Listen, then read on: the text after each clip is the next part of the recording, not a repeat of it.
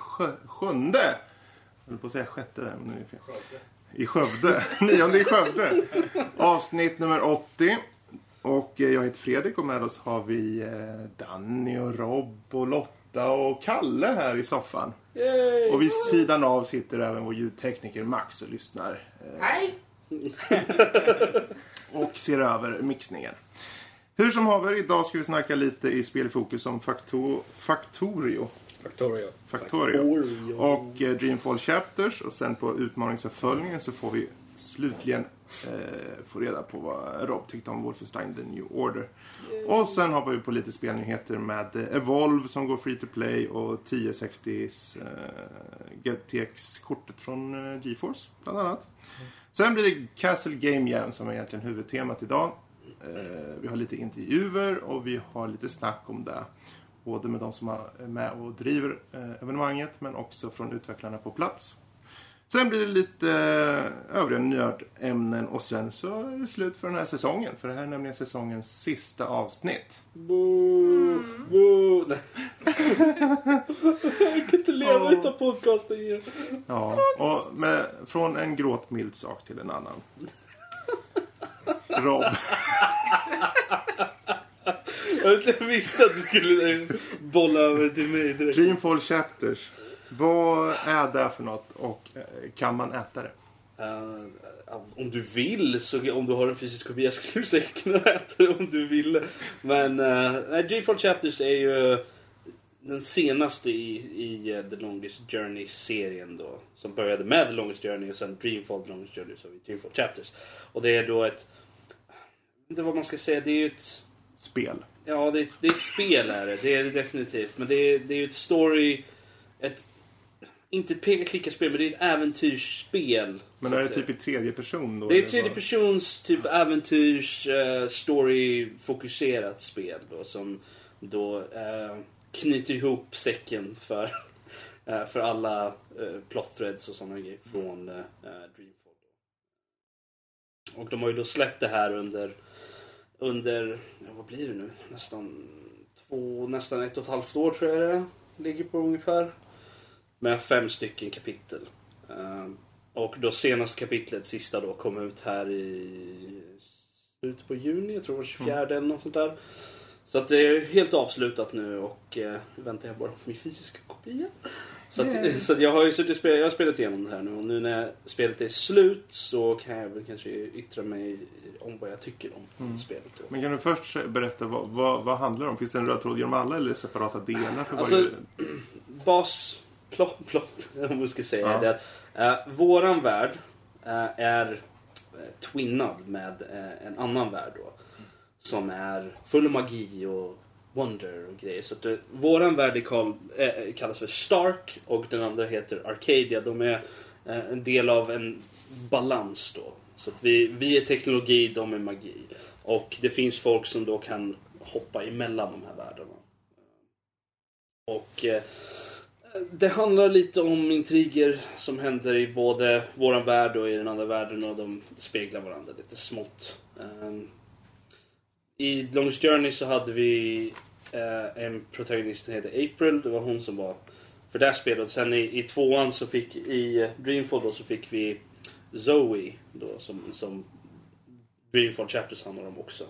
Och det är hennes story då. Och sen har vi även eh, den sekundära protagonisten är, är Kian. Som är, han var bad guy och sen vart han good guy. det, det är svårt att förklara. Det är så mycket story här. Så det, eftersom de är så storyfokuserade här så är det väldigt mycket det och så är det lite pussel och, och lite sådana där grejer i, emellan. Och i, eh, i Dreamfall Chapter så har de även satt upp att det finns ju, du har ju val att göra. Så du har ju moraliska storyval och sådana grejer. Så då har de att balansen skiftar och då, du får en egen story baserat ut efter det. Eh, sen vet jag inte hur, hur det påverkar slutet riktigt. Eh, det känns som det är lite Mass Effect över det hela. eh, just Okej. mot slutet där. Att, det, att allting leder till samma sak egentligen. Men hur man kommer dit är, är lite olika. Men hur är resan för dig då? Du som har kört igenom det här. Hur, hur, vad tycker du om det? Alltså jag gillar spelet ändå. Uh, jag, jag backade det rest. Jag känner att jag, jag måste gilla det. Nej. Uh, det är klart du tycker om spelet. Du har slängt upp ut 100 plus dollar i fart.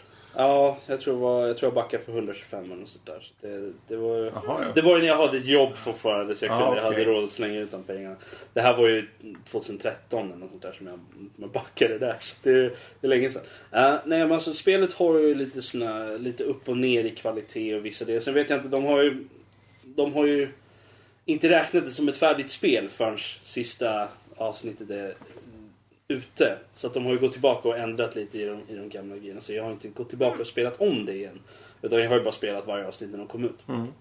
Och det har varit lite upp och ner i, i både längd och eh, kvalitet och eh, hur det ser ut. Och, och även pussel och hur mycket av storyn som kommer fram och sånt där. Men jag tror att när man tittar på det som, en, som ett spel så tror jag nog att det, det, det är faktiskt det är helt okej. Och det är en, en bra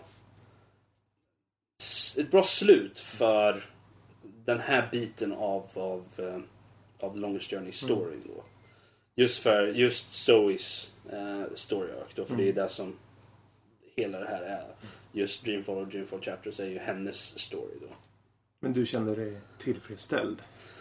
Ja, jag kände att jag fick de svaren jag ville ha när det kom till, när det kom till eh, både henne och, och det finns, men det finns ju alltid så mycket mer eftersom det är så stor värld och, och det finns så mycket potential. Jag hoppas att det blir mer ändå. Det finns... Eh, de teasade lite små grejer. Så, Ja, titta här är de grejerna. Så här, men de fullföljde det så fick man även lite closure för grejer. eh, Någonting som hände i, eh, i Longest Journey som är var kom ut 99 eller något sånt där. Ja, den har hängt med väldigt länge. Ja, det har det ju. Och, eh, så det, jag, ty- jag tycker att spelet är helt okej det är värt, har man spelat de andra spelen så är det helt värt att plocka upp. Däremot har man inte spelat de andra spelen så tror jag att man är, kommer nog komma in ganska förvirrad i, i det här spelet inte riktigt veta vad som händer. Även om man får en, jag tror det finns en recap för vad som har hänt i, i de tidigare spelen. Men det, jag tror inte det ger samma känsla. Man behöver ha lite mer connection till, de- till de tidigare spelen för att, för att man faktiskt ska kunna fördjupa sig i Dreamfall Chapters. Men det är inte något sånt där som finns i Dragon Age att eh, du säger vad du gjorde för val eller du till och med har en save file från någon tidigare Alltså spel. de tidigare spelen hade ju inga val. Hade de inte på det sättet. De var ju väldigt linjära. Uh, Dreamfall, um, Longest Journey är ju ett, ett, gam- ett klassiskt peka-klicka-spel. Är det ju. Eh, och Dreamfall, uh, Longest Journey är då... Där gick de ifrån det. De hade mer för konsol med handkontroll. Och det är ju också Dreamfall uh, Chapters är också... Jag har spelat det med handkontroll för jag kände att det var bättre lämpat till det. Uh, eftersom det är tredje person, liksom, det är inte peka-klickar. Vilket är lite synd, eh, men ja, ni vet ju alla vad jag tycker om peka-klickarspel. Eh, vad tycker du om eh, grafik och ljudbild och sånt? De har, det är bättre än förra spelet. De hade... Innan, innan jag säger det så... Det ser snyggt ut. Är det. Miljöerna är väldigt fina och sådär. Karaktärsmodellerna de är lite si och så ibland och animationerna kan kännas lite styltiga också. Men eh, även, även ansiktena kan också vara lite... Eh, ansiktsuttryck och sånt kan kännas lite stela. Men det är mycket bättre än i Dreamfall där de inte hade någon animation för ögonbryn och eh, panna och sådär. Så att man såg att deras munnar rörde sig liksom och de hade olika ansiktsuttryck när det kom till munnen och sådär. Lite såhär Men, som en robot där. Ja. Hejsan, vad gör du? Ja, jag nej, men de, gråter ju, kunde, ser de, du de, inte? log och, de, de kunde le och, och se arga ut liksom via munnen och sådär. Men det var typ ingen animation uppe vid ögonen eller så, här, vid ögonbrynen och sånt där. Men här har de fixat det så det här, här kan de i alla fall se arga ut. Liksom så åh, eller glada ut. Åh, spärrar upp så här. Alltså, alltså som kan vara så fruktansvärt creepy med leenden som bara inte når ögonen. Ja, nej precis. Men de, det ser ändå helt okej ut. Det märks ju att det inte är trippel A-spel. Eh, Men det har en, själva artstylen har en, en ganska en charm ändå. Eh, de har ju gått för lite realistiskt men de har ändå sin stil. Så att säga. Det är inte lika quirky som, som till exempel eh, Dishonored. Eh, men eh, det är inte hyperrealistiskt heller. Vad är settingen? Är det så här steampunk? Eller vad, vad är det för... Alltså, eller, i Stark så är det cyberpunk. För det, det utspelar Ja. sig typ så här 2200 eller något sånt där. Så Okej. det, det är satt i våran framtid. Medan i Arcadia så är det ju mer fantasy. Mm. Eftersom det är så här, men de har ju även lagt in lite, det är lite steampunk faktiskt i den, här för att de har eh, rör och grejer som går åt för de Ja, det är en del av storyn. Jag vill inte riktigt gå in, gå in, gå in på den här för mycket. vi kan väl säga att det är helt klart en rekommendation från din sida. Ja, jag rekommenderar det faktiskt starkt. Mm. Eh, ja. Bra. Men eh, steampunk får mig osökt att tänka på rör. Och rör och grejer, det, det bygger man ju utav helvete i Fac- Factorio. Ja, verkligen. Ja. Men vad fan är Factorio för någonting? Ja, man. fan ska man börja? Ja, det är en jävla massa rör som används i det här spelet. Men vad ska man börja? Det är ett eh, survival factory min- building management eh, exploration eh, game. Okej. Alltså, ja. Ja, men tänker så här. Tänker gamla, kanske samma grafikstil som typ, eh, Fallout 1 och 2, något i Mm. den stuken där. Ja. Och sen så är det ditt, ehm, ja det är värt att nämna det early access, de har inte kommit så långt än. Men målet är som det ser ut nu, att bygga en rymdraket. För att göra detta så behöver du en jävla massa material och du måste researcha teknologier. Och researcha teknologier måste du ha mer material. Och för att göra detta någonting på något vettigt sätt så måste du bygga fabriker. Och ja, där, det är så det ser ut helt enkelt. Eh, De har lite kampanjer också som har lite av en så här story arc men det är liksom mest att du Det är, liksom det är mest att du ska introduceras till mekaniken och sånt där. Så, eh, vad ska man säga? Köttet i spelet ligger i att du ska lista ut hur man ska automatisera de här processerna på bästa sätt.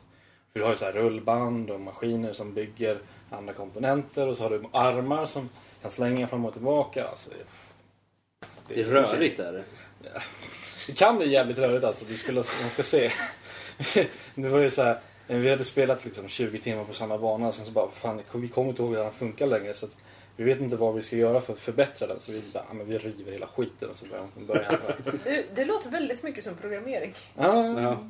Typ så. Men det är för att liksom, eh, speciellt om man, eh, i och med att man får nya teknologier så förbättras ju eh, produktionen. Och då är det så här, om man fortsätter från första början så bygger man ju bara på allting hela tiden. Och då blir det ju inte bra för att eh, det, det kommer alltid på någon bottleneck någonstans. Men som spelet ser ut nu så här, du, du ska skapa massa science packs vilket eh, de består av olika material liksom. Första är väldigt lätt, det är bara något så här, det ska vara något kugghjul och sen så skickar du in det i ditt labb och då kan du ha få research points som du kan researcha saker. Och du, så sättet det går. Och sen kan du bygga din rymdraket och flyga upp i rymden. Är det liksom en goal? Ja, precis. Som det ser ut nu ja. Eh, Det är ju ganska, som det är early access. De har, jag tittade på roadmappen och de har tanken är att man ska, det ska vinna ytterligare ett steg efter det. Där man kommer upp i rymden och har en rymdstation. Då. Okej. Ja, det vore coolt. Ja, det tror jag också.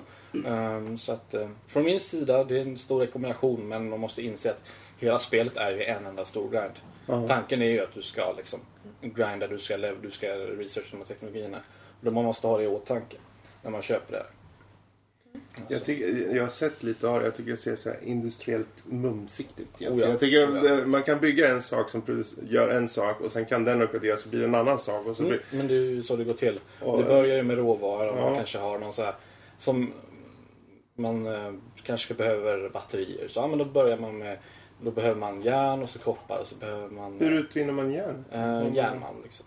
Men hur utvinns det? Man sätter en borr och sen så får den järnmalm, spottar den ut järnmalm. Jag tänkte, sen, har man massa små gubbar som springer runt och bygger? Eh, man eller kan vad? ha det. Man kan ha robotar som logistikrobotar som flyger runt. Men eh, vanligtvis så är det ju rullband då. Ja. Så den spottar ut så kanske du bygger ett rullband och så åker Vem den. bygger rullbandet? Jag. Eller spelaren.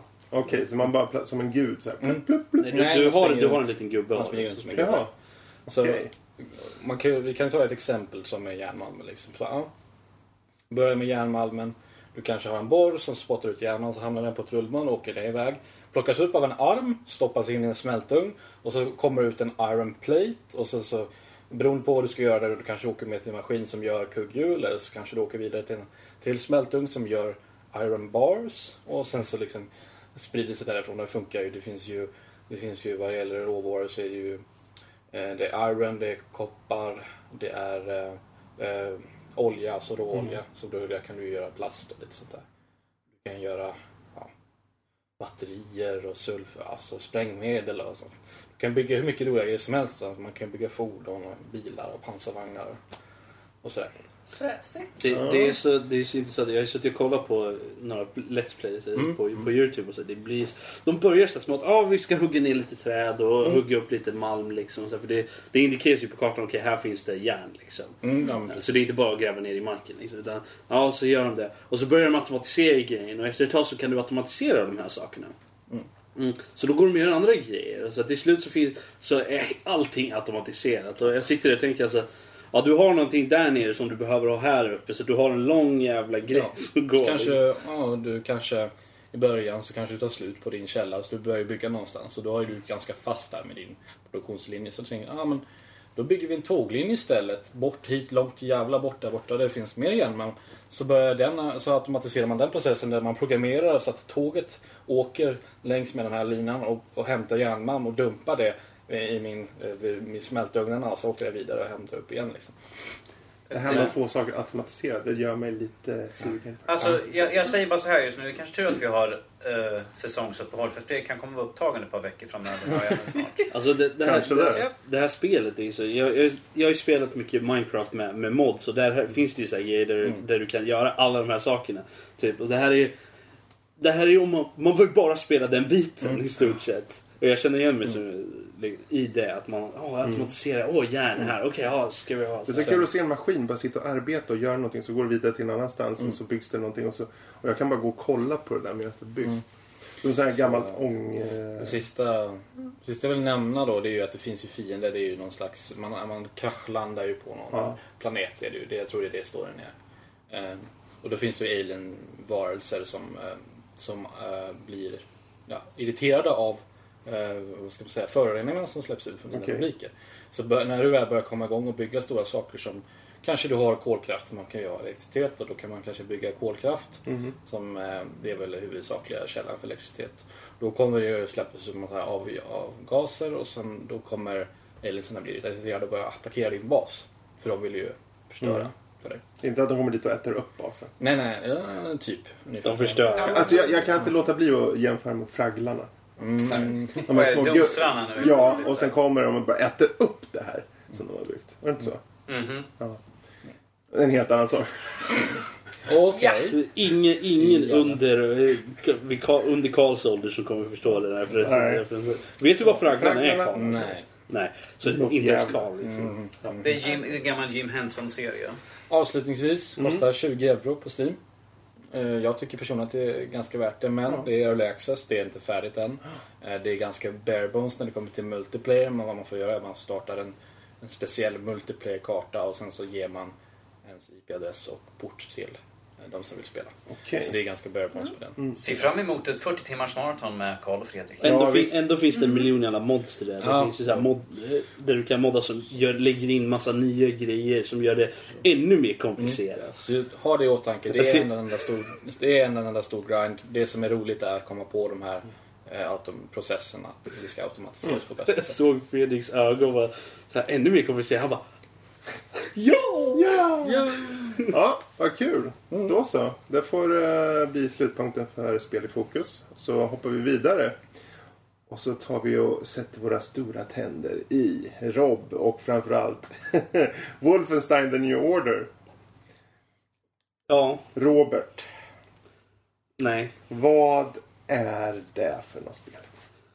Det är ett FPS. Bra, tack. Hej då. Nej. Okej, klart. Nästa punkt. Jag försöker vara kortfattad. Ja. Ja, Uh, det är bra. ja, nej, det försöker jag inte. Um, nej, men Wolfenstein, Wolfenstein The New Order. Det är ett FPS. Är det. Det, är, det är first person shooter. Du springer runt eh, som en... Ja, han är inte en super soldier, men det känns som det. Uh, han, Det gör ju det. Ja, alltså jag vet inte.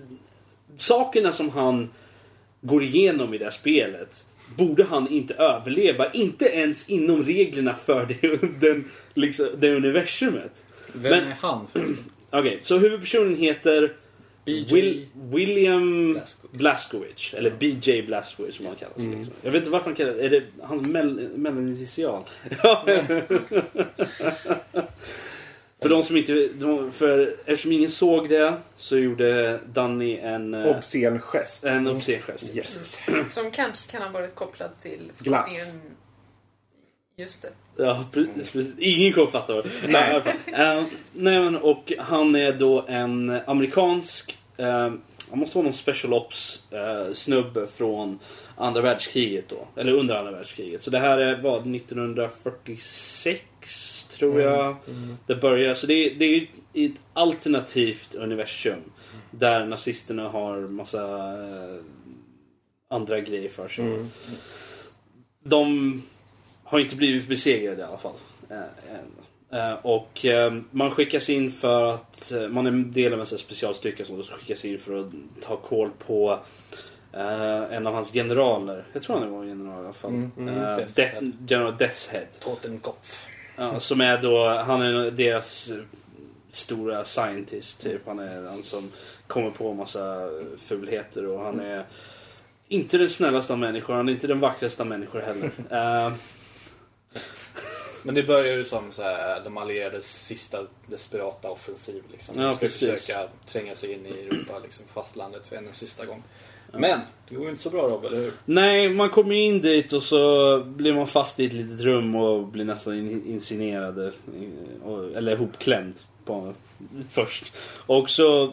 Jag ta- tyckte först du sa inseminerad. Ja, Nej, men- ja, det också. Nej, men, Eh, Nej men alltså, man, blir, man blir tillfångatagen då av, av, efter många moment så blir man tillfångatagen då av General Death's Head. Och eh, han eh, tvingar en att välja mellan en av ens kompanjoner. Och beroende på vem man väljer så hamnar man i en annan tidslinje. Det kallas det till och med. Det kallas, jag, tror den heter... Jag kommer inte ihåg vad den andra heter men, nej Wyatt och Fergus är de man har att välja på. Då är det The Wyatt Timeline eller Fergus Timeline. Och Skillnaden är jag är inte så jättesäker på. Jag har precis börjat min Wyatt timeline. För jag körde Fergus för han verkade coolast. Så jag tänkte, ja, honom vill jag behålla. Ehm, och eh, när man kör Fergus timer så får man så att man kan tjuvkoppla saker. Eh, och eh, kör man Wire Timer så kan man, eh, får man lockpicking. Eh, så man kan dyrka upp lås. Eh, Så att man, man löser vissa saker. Det, det, det känns inte som det påverkar huvudstoryn speciellt mycket. Förutom i första, när man först väljer det här då. För då tar man sig ur det här rummet då på antingen eller. Med tjuvkoppling eller låsdyrkning. Men utöver det så är det bara att hitta så secret objects och sådana grejer som man, som man använder det. Vad jag, vad jag kommer ihåg i alla fall. eh, Under spelets gång. Ehm, men i alla fall, man tar, sig, man tar sig därifrån i alla fall. Och eh, så när man väl flyr, för man hoppar ut genom ett fönster. När man väl flyr så blir man träffad i huvudet av lite, för det exploderar och eh, man blir träffad i huvudet. Och, hamnar i vattnet och de hittar en och man är typ, eh, ja man blir typ en vegetable. Eh, i, sitter vid ett fönster på ett här mentalsjukhus. typ. Om, om du bara ändrar om, ändrar om det och sätter framför en dator så när han spelar Silva. Precis. Eh, lite samma stuk. Eh, man, sitter, man sitter framme vid ett fönster i, i ett visst antal år. Det är 14 år tror jag. För man, kommer, man vaknar upp igen 1960. För man, man får se lite perioder under, under, eh, under tiden. Så här, och så kommer nazisterna då, eh, för de har ju tagit över världen såklart. Vid det här laget. Ehm, och de kommer in då och ska slå, de stänger ner det här mentalsjukhuset och dödar de som jobbar där. Eh, och eh, då vaknar man till liv. Då, då liksom, allting blir färg igen eftersom det har varit väldigt muted i färgerna. Så här, och så.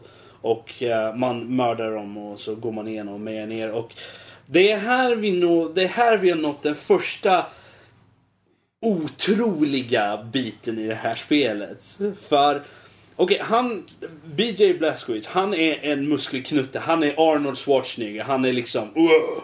Och han ser, han ser verkligen ut som en så här typisk, eh, han ser ut så, så, så, så som nazisterna, det här arga, eh, ariska... Blå, blåögt liksom. Ja, precis. Det, det är han. Han är de, deras eh, modell. Liksom. Det är för, för allt de tror på när det kommer till... Deras ideal. Ja, deras ideal, så heter det. Och eh, han är ju riktig muskelknutte. Och han, efter att ha suttit i den här rullstolen då som han har suttit i i, i 14 år så är han fortfarande en biffig jävla muskelknutte.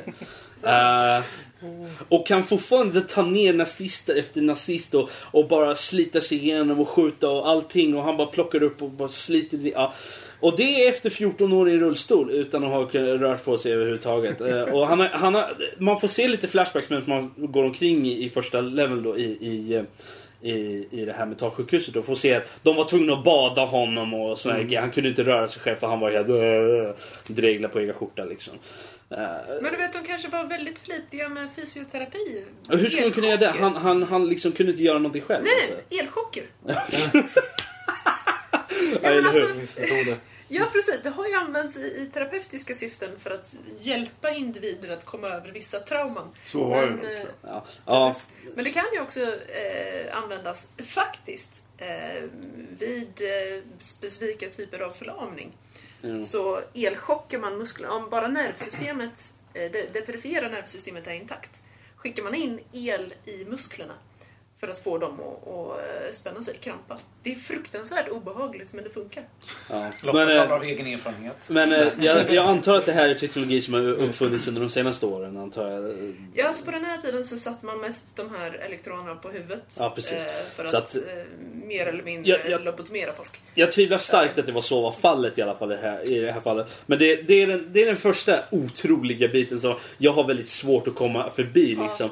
Men på något sätt så så fort man kommer förbi det så- accepterar jag. Men i alla fall, resten av spelet går ju då ut på att du ska ta ner nazisterna i stort sett. Och du, eh, de har ju då tagit sig för en hel del teknologiska under under den här perioden då mellan. Och de har ju då tagit över i större delen av världen. Och man fick ju se även redan, det var något jag märkte när jag gick i, när jag började spela om spelet. Att de hade pratat om såna här vad hette de? Observers tror jag de heter. eh, som de hade skickat till vissa. De hade London Observers som man får slåss mot senare. Eh, men då hade de en, en vad heter det? Pre, En prototyp. en prototyp av den redan i början som man kan skjuta ner om, om man eh, sätter sig i en av turreterna i början. Jag tänkte inte på att ja, men det är ju en sån. Så jag visste ju inte vad de pratade om under, när de hade nyheterna så, här, så det, Man kan läsa små nyheter, så här, tidningsurklipp och grejer på vissa ställen. Det är någonting som jag måste nämna, för jag har ju spelat igenom det här också. Ja. Inte så jättelänge sedan faktiskt, men det är väldigt eh, stor detaljrikedom i det här spelet. För det är ju newspaper clippings som ligger lite överallt och du Ja. kan hitta collectibles. Det är musik som de har gjort om. Så här, klassisk musik, eller så här, eh, Just stora det. hits från den tiden som de har gjort om i den här den nazistiska maneren istället. Mm. Och det jag gillar verkligen det ger eh, världen en en väldigt... Ja, det var något som jag inte gjorde. Man får ju några voice audio logs och lite sådana Mm. grejer också i spelet.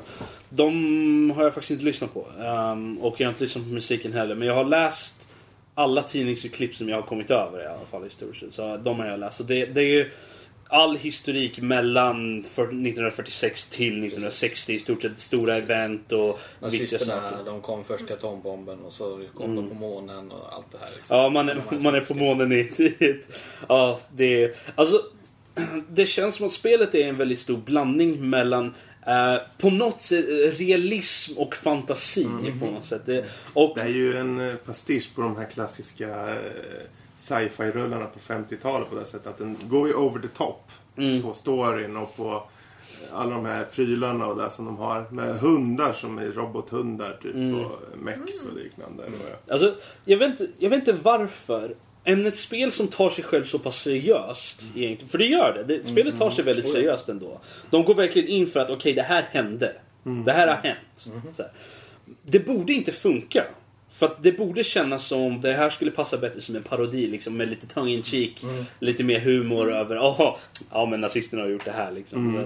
Men de har gjort det så pass seriöst ungefär som det skulle vara på riktigt. Och det funkar på något sätt. Jag är inte riktigt säker på vad det är. Jag, jag tror det är för att man går igenom så pass mycket. Man ser ju allt från, från Blazkowicz ögon. Och, och, han är ju väldigt no nonsense. Han bryr sig inte om alla såna här grejer. Liksom. Han går ju bara igenom för att skjuta ner saker i stort sett.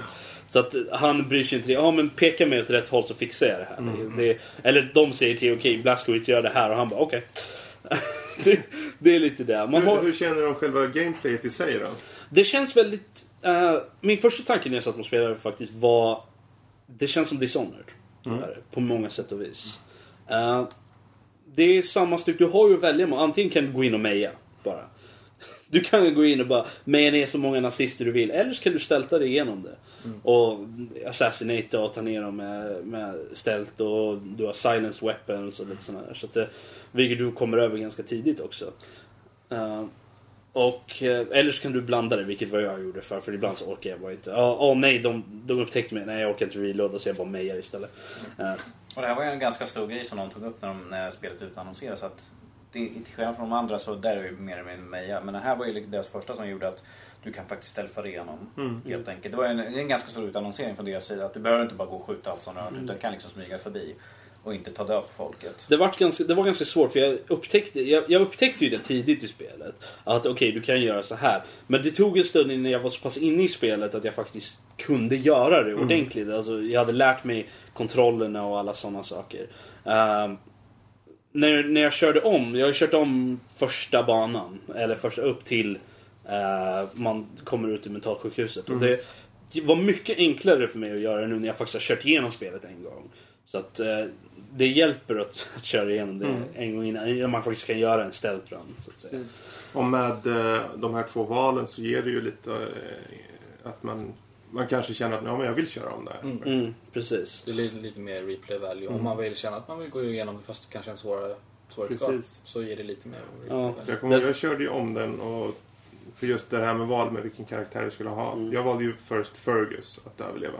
Eh, och sen började jag om då och köra och lät Wyatt överleva. Och det är ju inte bara att de överlever, det är ju att andra karaktärer är med sen när du kommer senare i spelet. Ja, jag har inte kommit dit in än. så mycket på det. Men Vilka av oss är det som har spelat igenom det? Bara jag spelar igenom det. och du då? Ja. Valde alla Fergus? Ja. Men han, han hade ju liksom... Men han kände jag, men han, han kan ju sin grej. Det är klart jag vill ha kvar honom. Ja, Ja. precis. Det var ju så man resonerade också. Han var ju veteran. Om jag ska överleva så vill jag Ja, precis.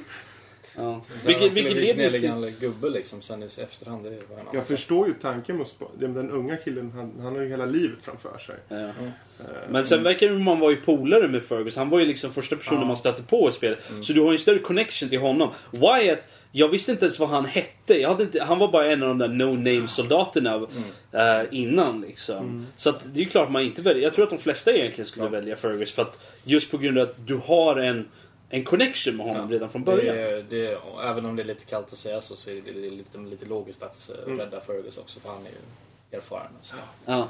Och det, det leder ju till plot point senare också just för Fergus och han är ju inte så jätteglad på den heller när man stöter på honom senare. Så att, men ja. Och sen, spelet är ju bra. Jag gillar det verkligen. Den har bra kontroller, det är bra, gameplayet är väldigt nice. Det är vissa ställen som man liksom, okej jag vet inte riktigt vad jag ska göra här. Hur tar jag mig igenom det här stealthy liksom. Utan att, eh, jag var tvungen, jag har, jag var tvungen att ladda om kanske en eller två gånger. Där jag visste att jag kunde ställa mig igenom det här. Jag missade bara min chans för att jag lät en person gå förbi snabbare eller något sånt där. Um, det storyn är... Jag vet inte riktigt hur jag ska beskriva det. Den är bra. Och den har ju mycket tyngd i sig. Det är bara det att det finns så mycket saker som känns löjliga på något sätt. Nej, men, du, du, anledningen till att du, du går på din murderous rampage i början när du vaknar upp från, från eh, mentalsjukhuset är det att hon som har tagit hand om dig under de här 14 åren då, som heter Anja. Hon är vadå, dottern till de som hade hand om mentalsjukhuset. Det är hon som har tagit hand så du, de tar, för ju bort henne. Och eh, klassisk prinsessa blir kidnappad. Du ska eh, spotta på Danny. Eh, eh, Andra gången nu. ja, jag, jag ber om ursäkt. Jag har mycket saliv i munnen. Du pratar för mycket. Ja, jag vet. Nej men, eh, och då, då så tar du igenom och så hittar du henne i slutet då. Och det, liksom, det går väldigt fort, gör det. efter det. För att det är typ en eller två banor, två banor efter det så har man sex med henne på ett hotell någonstans. Eller så här, innan man Var ska... det inte ett tåg? Nej, inte på, tå- inte på tåget först utan man har sex på, med henne Ja, var. i ett, i ett så här, eh, rum så- först. Och det är så här sexscener. Man Det var bara, också en ambitiös... Jag tyckte det var så här, Jag har varit lite så här, jaha, hände det? Ja, men det Ja, kändes så- liksom, det kom ut från ingenstans liksom. Jag bara, tycker. Jag förresten, det menar, finns... här, här är en människa som har liksom tvättat dig med svamp de senaste 14 åren. Hon liksom. vet ju vad hon kommer in för i alla fall. Ja, jo. Tänkte, innan du summerar upp det här nu. Jag vill Ja. bara, en scen som jag tycker är lite intressant i den här. Du är ju på tåget Ja. och eh, av någon, jag kommer inte ihåg anledningen, men du tar upp en bricka Mm. med kaffe eller så som du ska ta ut till ett bord där det sitter en sån här elak eh, tant. Nej, nej, du ska ta, du ska, det är din bricka med eh, Ja. grejer du ska ta med tillbaka. Och det är liksom, du, först vill du ju ta dig förbi. Ja. Liksom. Men du kan inte det utan du blir tvungen att sätta det där. Och det, hela den scenen är så, det är så mycket tension i den. Det var verkligen så, jag satt verkligen så här, okej. Och hon vill utmana i någon, någon liten lek av något slag om jag inte minns fel. Ja.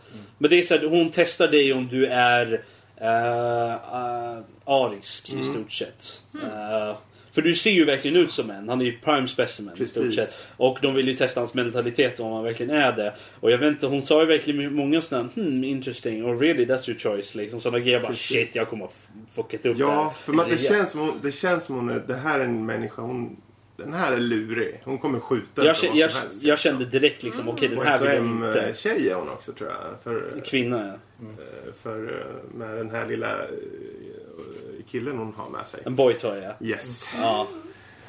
Hon är, hon är en tuff cookie. ja. Det märker man lite senare. Ja, precis. Det Men det, det är ju, som tur är Blaskowicz också det. Han överlever ju hur mycket... Det, det är det som är grejen. Något som jag känner just med de överdrivna grejerna. Mm. Just, de, kommer nog nästan, de är nästan alltid handlar om Blaskowicz för där han överlever saker som man egentligen inte borde göra. Ja. För under spelets gång så är det ju typisk FPS. För att du går igenom och kan ju bli skjuten hur mycket som helst. Du kan gå ner till sådär mycket, så här, pyttelite HP liksom. Och så healar du upp det igen så är det ju okej. Mm. Men det är i cutscenes när det händer grejer. När han typ blir stabbad i, i bröstkorgen och grejer och, och sådana saker. Och egentligen bara skakar av sig det efteråt. Och man bara... Alltså, Det är, hela den här det är ju som en eh, seriös actionfilm med Arnold Schwarzenegger. Hur nu det kan vara seriöst. Men det är liksom det är over the top action med en seriös ton. Men då är frågan, hade det egentligen funkat bättre om spelet inte hade tagit sig själv på så stort allvar? Jag menar bland annat med det här, bli huggen i brösten, sitta som en grönsak i 14 år utan någon form av muskelatrofi. mm. Hade det klaffat bättre om det hade varit ett... Alltså det, det hade ju hjälpt de moments. Hade det gjort. Men det hade nog inte hjälpt resten av spelet. Man kan se över de här grejerna genom att bara förklara bort det som att BJ Blazkowicz är en tough badass liksom. Han är Arnold Schwarzenegger eller, eller Sylvester Stallone från liksom de här 80s-rullarna. Det, det är ju det han är.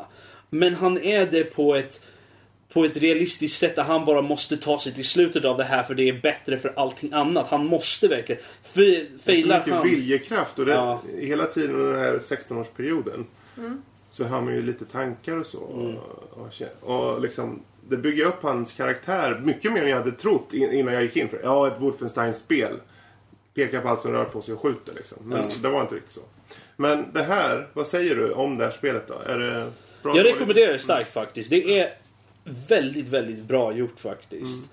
Eh, det är vissa bitar som är lite så här. Hmm, och det, jag stötte på några ställen där det var lite eh, oklart om vad man skulle göra. Och, eh, och lite så. Vissa ställen var lite svåra också.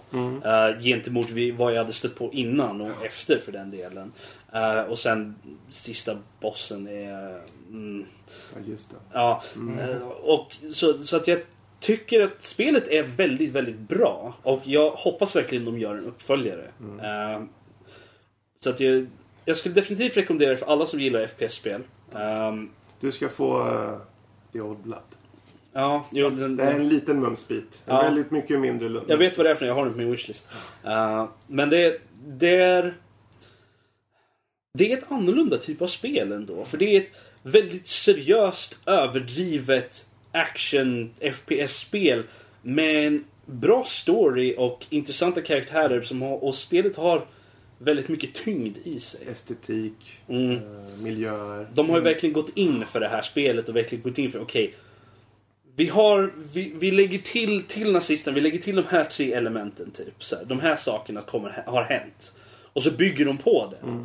Och det är verkligen, det känns riktigt på något sätt. Om än väldigt eh, sci-fi tropiskt Mm. på något sätt. Ja, svenskutvecklat. Machine Games. Mm. Väldigt nice. Väldigt Jättekul. nice. Bra, men där har vi i alla fall den eh, sista eh, utmaningsuppföljningen. Eh, och och är det så att ni tyckte det här var jättekul. Vi kommer förvisso gå på ett uppehåll nu. Men ni får jättegärna mejla in och säga men vi skulle vilja höra er snacka om det här eller det här. På info.nordlivpodcast.se Men vi hoppar vidare. Spelnyheter. Och eh, första nyheten är att Evolve blir free to play. Eh, och det, det var ju nu här bara för någon dag sedan i talande stund som det skedde. Eh, hur många har kört Evolve är frågan. Japp. Så räcker de upp handen här också. Det är klart. Ja, vi, vi, vi sitter ju här Ja, jag har också i kört det. Jag, det. Jag tycker det är nog det enda vägen de kan ha gått. Det känns som att de har blödigt eh, under Ja. ett år. Ska, ska, ska jag ta, ta beta av det liksom att Evolve, det är väl ingen som spelar där längre. Det är, det är ju dött. Jag, jag tänker, så ifall ni skriver beklagar och tycker att ja, men alla, det är jättebra spel så kan ni skriva till Danny. Mm. eh, helt enkelt. För jag, jag har fått det tidigare. Nej, men, men det, det var ju problemet de hade. Det var för mycket, kostade för mycket Ja. och du fick för lite. Helt enkelt. Var bara multiplayer. Det var inte speciellt mycket multiplayer heller. Nej. Utan det var ju alla de här DLCerna man fick köpa till för att kunna egentligen få tillgång till en större upplevelse som gjorde att det blev en riktig shitstorm. Eh, som de nu i det här upp, eh, har då kommenterat och sagt vi, vi förstod att, Mm. eller vi förstår nu att det var fel väg att gå. Så här blir det free to play. Vi kommer göra om det så nu är det. Och det finns alltså nu redan på Steam. yes. Och eh, det roliga, alltså jag hade ju jättetur och blev medlurad att faktiskt köpa det här spelet. Jag körde ju på betan. Mm. Eh, och eh, sen köpte jag spelet för typ, var det, två veckor sedan tror jag. Eh, och någon vecka efter det så blev det free to play. Eh, men för alla, ja, ja, åh, jag, jag känner så bra timing där. Men det är ju faktiskt inte helt kört utan alla som köpte spelet får massa extra stuff. Eh, och allt som man har låst upp är ju upplåst och så vidare. Fast Det, det, det som var de mesta var det att man skulle få de här specialbadgen att du har Mm. faktiskt varit en som köpte spelet från början och var med och hjälpte oss liksom helt enkelt. Ja, Det är, det är ju precis. den största grejen de sa att liksom, vi ska visa att ni har faktiskt varit med oss och hjälpt oss och faktiskt betalat för dig. Eh, och sen var, det, sen var det väl lite extra lullor som skulle komma med. Ja, inte ihåg exakt precis. vad det var för någonting. Badges och sånt där. Ja, Först och främst var det väl. Ja, in-game currency också. mig. Mm. Eh, och lite sånt. Eh, och jag menar visst, jag kan förstå hela den här grejen att man lägger ner en hel del tid och resurser i utveckling. Och man, man vill verkligen liksom få igen sin investering. Man får igen investeringen fortare än man kanske trodde. Och att man då gör den här ändå bra grejen att tycka, ja men okej, visst, fine, free to play. Mm. Eh, Särskilt som sagt med tanke på den här shitstormen de fick. Och jag menar, det är inte som att man inte kan ge utvecklarna pengar nu längre utan eh, det är ju det är bara att köpa till kosmetik Mm. om man skulle vilja det. Nej, jag tror Men, eh, definitivt det här är den vägen de eh, bör gå. Jag, jag tänkte på en sak när vi, när vi sa det. Det finns ju andra spelutvecklare som har övervägt att göra liknande grejer. Alltså när, liknande Mm. saker som Evolved, att de bara kör multiplayer. Ja, Battlefront gjorde ju det nu, där det bara är multiplayer. Och det har väl gått helt okej med dem egentligen. Eh, de har väl inte haft så jättemycket problem, men de har väl också inte lagt in en massa DLC-skit som man kan köpa till. Så de har ju kanske gått bättre just på det. Tror ni det hade funkat annorlunda om de inte hade haft den här DLC-grejen? ja, jag menar om grundspelet inte hade kostat 60 dollar och om Season Pass för Hunters inte hade kostat 20 dollar och om Season Pass för Monsters inte hade kostat 20 dollar eh, Ja, Mm. då är det mycket möjligt att det, det liksom Vi, tog, vi pratade lite grann om det här precis innan. I originalspel så är det tre monster som var med. Ja, Eh, och sen var det, du hade de, är de, fyra karaktärer. Mm. Eh, för att inte missminna mig helt fel. Och sen var det ju Season Pass, då var det, det jag kan komma på just nu, två monster jag vet som man kan köpa till sig. Och de var ju 20 dollar, något sånt där. Och sen hade de ju skins för de nya monstren och eh, skins för karaktärerna för hutlösa priser egentligen. Så att jag förstår mycket väl att, att de fick mycket skit. Eh, Jag menar, jag menar, vi var ju alla positiva inställda till spelet. eh, Jag vet att Fredrik, du var ju positiv när du hade testat för nu körde ju, du körde ju med Max och lekte lite grann i betatestningen. De hade öppen beta där ju. Och det såg ju lovande ut men sen blev det bara liksom att det var ett sånt hemskt dyrt spel och sen var det så begränsat i vad man fick. Det- Jag kommer inte ihåg hur många kartor det var men det var inte många heller. Eh, nej, så, precis. och sen att liksom sälja sånt till extra det, är, det, här kommer, det här gäller ju för alla stora multiplayer-spel. Ifall de säljer kartor så kommer de ju dela upp eh, spelarna helt enkelt i lägret. Ja, vi, ska, ja visst, vi har samlat ihop hela gänget, du ska ju spela så här. Ja, men Nisse kan inte vara med för han har inte köpt det här eller den här DLCn och han har inte de här grejerna. Då blir det liksom låst. Ja, fast det, det, det finns ju skillnad mot att ha DLC-paket som kommer ganska nära till launch. Där du har en, en tre, fyra kartor till. Än att ha ett halvår, ett år senare komma med ytterligare ett pack med multiplayer-kartor som många såna här som har multiplayer-spel, men Halo gör ju det. De, de brukar ju ha map packs som kommer typ ett halvår eller så efteråt. Då tycker, då tycker jag att det vore bättre ifall de haft, eh, som på väldigt många spel, har en sån här capability pack som till exempel i fighting-spel. Att Även fast du, det, det är liksom du laddar ner en fil så att du kan se, om jag och Lotta skulle spela Street Fighter Jag kanske inte har köpt eh, de nya karaktärerna eller deras dräkter. Men för att ladda ner den packen så kan jag se det som Lotta har. Eh, Vilket gör ju att ifall vi spelar mot varandra så tappar vi inte någonting i, i det liksom att liksom, ah, jag äger inte de här, jag kan inte se de häftiga grejerna som Lotta eller den här nya karaktären. Utan det är liksom, jag kan se det hon har, men att, även fast jag inte äger det. Ifall de har gjort så att ifall det, man spelar med någon, ifall säga att Max hostar på en bana som kanske en DLC. eh, Och att liksom, vi andra kan komma in, men att även fast vi inte äger det, hade ju varit perfekt. Egentligen. Och så kan jag se, man se att det här är en cool bana, men jag vill spela med mina andra polare. Då kan man ju se liksom, att om den var cool, då kanske jag köper den. Liksom för att locka in istället för att liksom låsa allt liksom bakom den här betal...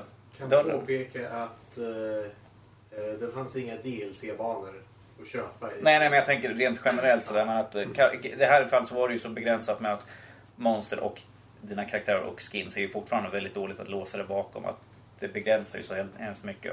Fast det gäller ju för, generellt för alla multiplayer-spel att när man låser det bakom en betalvägg, det är ju ingenting bra. För att det delar ju upp så mycket. Ju. Ja, men det är free to play nu i alla fall. Yes, så det är bara vi- att tuta Ja, och köra. Vi, vi kommer testa det framöver Ja. här nu Yes. yes. lite grann. Sen. Jag menar, det är omnom the game. Det är klart man måste. Om om the game, ja. Precis. Yes. om om the game. Det, ja, men det är, man ser vem som är den största omnomaren. Det, är- jag, jag kan säga nu att det är Lotta. Det är, det är så uppenbart. Är det, så Från en det, smaskig sak till en annan då. 1060 har utannonserats. GeForce 1060. Som kommer nu med eh, att 1070 och 1080 har kommit ut. Och även AMDs eh, svar på den här RX eh, 480.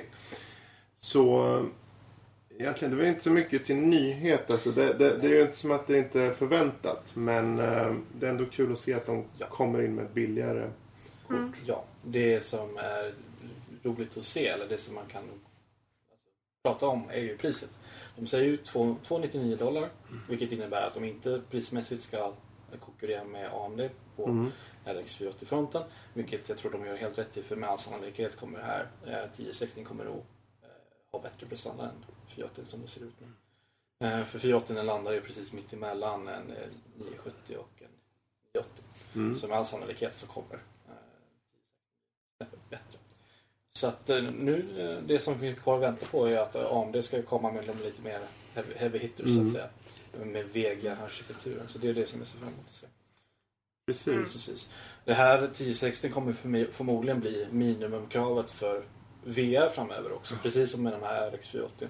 Så kommer det här nog bli eh, Nvidias svar på ja, men vill du köra VR eh, så är det här så det är minst med minimumkraven som gäller. Mm. Det är kul att se. Ja. Nej, det, det var kul att bara nämna, tänkte Mm. jag. Absolut. Eh, Så, men vi kan ta sista nyheten och det är ju då angående Sega som då köper Amplitude Games som är utvecklarna av eh, Endless-serien, alltså Endless Space och Endless Legend.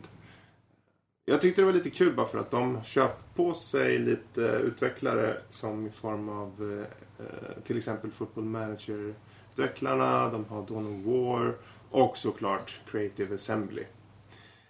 Eh, Så de har, de nischar verkligen in sig. Det är lite paradoxkänsla, det är lite att de faktiskt nischar in sig lite mer på det här strategi, management. Och ja, ja, jag tyckte det var en kul nyhet. mm.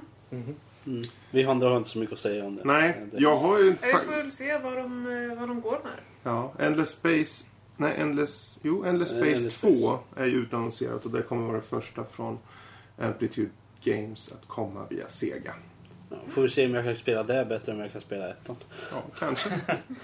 Men då har de lite mer råg i ryggen. De kanske kan pusha Jag, på det inte, jag lyckas aldrig komma förbi de kommande till aliens och komma och döda mig. En aliens! Jävla aliens. jag fattar aldrig hur det funkar. Det kanske är därför. Yes. Men där har vi i alla fall spelnyheterna för den här gången. Och eh, vi tar helt enkelt och eh, siktar in oss på den stora delen i det här avsnittet. Vilket är Ca- Castle Game Jam. Eh, vi har ju varit där. Vi har snackat. Vi har eh, minglat. Vi har tittat. Och... Eh, Flyttat. fruktat, sa du det? Fluktat. Fluktat! Fruktat eller fluktat? Kanske både och. Tafsat på kod. Yes. Och då tänkte vi, vi har ju tagit oss tid att intervjua eh, utvecklare där. Två stycken gäng har vi. Och eh, det första som ni kommer höra nu är en intervju med utvecklarna av spelet Sky Warrior. De kallar sig själva Sky Whale. Hej och välkommen till Nördliv. Idag är vi på Castle Game Jam i Örebro slott. Vi sitter här med Team Skywhale med Tobias och Ida och eh, vi tänkte intervjua dem lite grann och höra lite grann om deras spel Sky Warriors. Om vi kan ta lite kort och berätta vad spelet handlar om, eller vilken typ av spel det är. Ja, vilken typ av spel? Det är, Genre. det är eh, ett actionspel ska man väl säga. Eh, Med procedurellt genererade dungeons, typ. Så mycket man förmäktar under eh, fyra dagar aktivt dag och natt jobbande. Och ja, Eh, För de som inte är insatta i programmering, vad är en procedurellt genererad dungeon? egentligen så betyder det att du har med hjälp av programkod genererat eh, själva banan du spelar på. Helt och hållet, kanske. Men i vårt fall så har vi gjort en liten hybridlösning så vi har suttit och ritat rum för hand och sen har vi sytt ihop dem med programmeringskunskaper från vår icke närvarande Robert. Han, han skulle sova istället, han vill inte vara med här. Men eh, om vi tar en annan fråga, vad har ni för eh, inspiration på spelet? Ja, vi hade väl ett eh, tema eh, precis innan eh, Castle Game Jam drog igång som man kunde använda sig av Mm. för att få lite inspiration. Hade... Och så var det bland annat eh, Floating Islands, Mm. det var lite, ja det beror ju på vilken disciplin man jobbade i såklart. Och inom programmering så var det just procedurell eh, genera- generering som var en av dem och inom art som jag jobbar med, eller jobbade på, på spelet så var det Floating Islands som var en av teman. Så man fick ta lite av varje sådär. Men vi hade väl, eh, vad ska man säga, inspiration från tidigare spel som vi har gjort på tidigare Game Jam Mhm. som var inspiration också. Så eh, ni har varit på eh, hur många Game Jam tidigare? Jag har, för mig är det bara mitt tredje. Eh, Du har varit på Ja, gud ja, jag, jag har varit på kanske sex, sju stycken. men eh, men eh, vi som team har väl varit på tre stycken. Ja, Så att det är inga nubbs vi har med oss alltså. jag vet inte, vad, när slutar man vara nog på game jams? Jag, Ja, ja precis. Bra svar. Men eh, ni var alltså på det här eh, Castle Game Jam som var eh, förra året. ja, Också arrangerat av eh, James Neworth. det stämmer. Det var, det var aningens mindre förra året. Det var 30 personer istället för hur många det nu är som tjoar och kimmar i bakgrunden här. Eh, Men det var, det var väldigt skoj det också. Man är där för att, för att göra spel. Och ifall vi inte missminner oss fel vad James sa så var ni faktiskt vinnare då av förra årets. Eller vinnare där nu. Ja, Observera att vi måste säga det eftersom de är för blygsamma. ja, ja så kanske det var. Eh, Har ni några förhoppningar om eh, att gå långt i år? Jag vet inte. Det det är inte mycket tävlingsanda som driver utan det är mer utmana sig själv som är, som är nöjet för mig i alla fall och jag tror för oss allihop. Ja men verkligen. Jag, jag tror vi allihopa kände väl att eh, det var en, en st- ganska stor utmaning vi tog den här, det här året jämfört med året innan. Eh, så jag tror definitivt, och, och- och sen också att evenemanget såg lite annorlunda ut eh, förra året jämfört med i år. Så det var, ja vi, hade lite en annan syn på det den här gången. Ja, och i och med att vi var ganska ambitiösa redan förra året så, och vi kände att vi ville ta i ännu mer nu.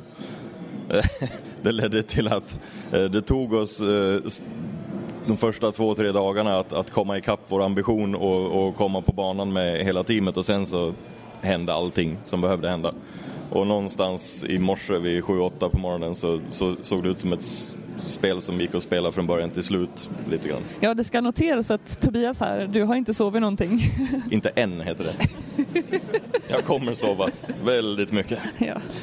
Ja, får vara pigg och fräsch till eh, finalen sen ikväll. Ja, vi, vi, vi, kan också notera att vi inte riktigt har koll på vad som händer. Ah.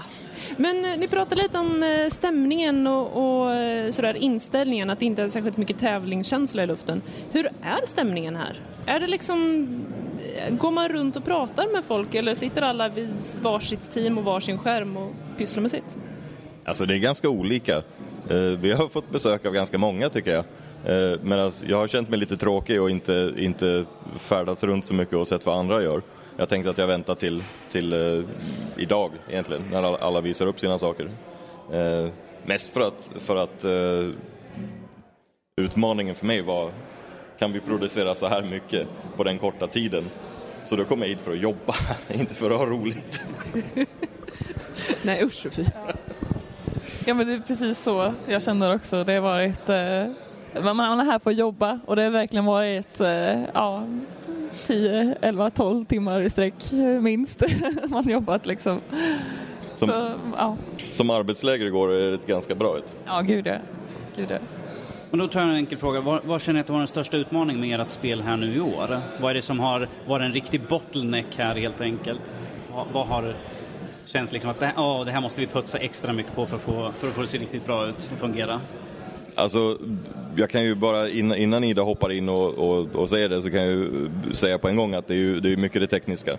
Eh, I och med att vi från kodens sida skulle styra upp allting, bygga dungeons eh, och, och få allting att fungera så satt eh, våra grafiker och jobbade på egen hand ganska länge Ja. utan att kunna se någonting eller spela någonting överhuvudtaget. Mm, ja, verkligen. Ja, men vi, eh, vi, hade, vi har ju Emily också som är med på teamet. Hon eh, har gjort tile-setet och eh, själva miljön i spelet. Och medan jag själv har gjort eh, karaktärerna. Eh, så det vart, vad ska man säga, en utmaning att dels göra någonting som man vanligtvis inte gör, det vill säga ett nytt workflow och speciellt i den här settingen att det blir, ja man jobbar i en vecka och så ska det vara klart. Eh, Ja, och sen, ja men animation för mig, jag har inte jobbat så mycket med det. Eh, så det var liksom, okej, nu ska jag lära mig animera. Varsågod. Och jag känner var- då, då har ju du lite mer den här som karaktären, den man ser och styr hela tiden. Du känner att liksom, shit, jag måste göra riktigt bra. För att det kom, Precis. folk kommer anmärka ifall det är någonting med karaktären i någon Mm. animation för att det märks i det första. Ja men verkligen, verkligen. Precis. Och det är det man tittar på också. Förutom miljön såklart. Men sen är ju det det roliga också att man jobbar med, med väldigt strikta ramar. Jag tror att alla är mer, eller mer, jag tror att jag tror att det alltid är ett bra sätt att bli kreativ, att sätta väldigt tydliga snäva ramar för att då måste man jobba inom dem. Kort tid, eh, väldigt begränsade verktyg att använda och ja, det är roligt att lösa problem med, med lite toolset. Men då, då är jag lite nyfiken på, hur har ni fungerat inom teamet? Har ni någon som är liksom den bestämmande rollen eller har ni liksom delat upp det? Liksom, det liksom, ja, ja, men jag kan väl gå och göra det här och du kan fixa med ljudet där borta och sen liksom kommer ni tillbaka och samlas och sen känner ni liksom, vad har du gjort för någonting? Ja, skulle jag ha gjort det? Eller har ni någon som sätter liksom ner foten att nu gör vi på det här sättet? Har ni någon som är bestämmande roll?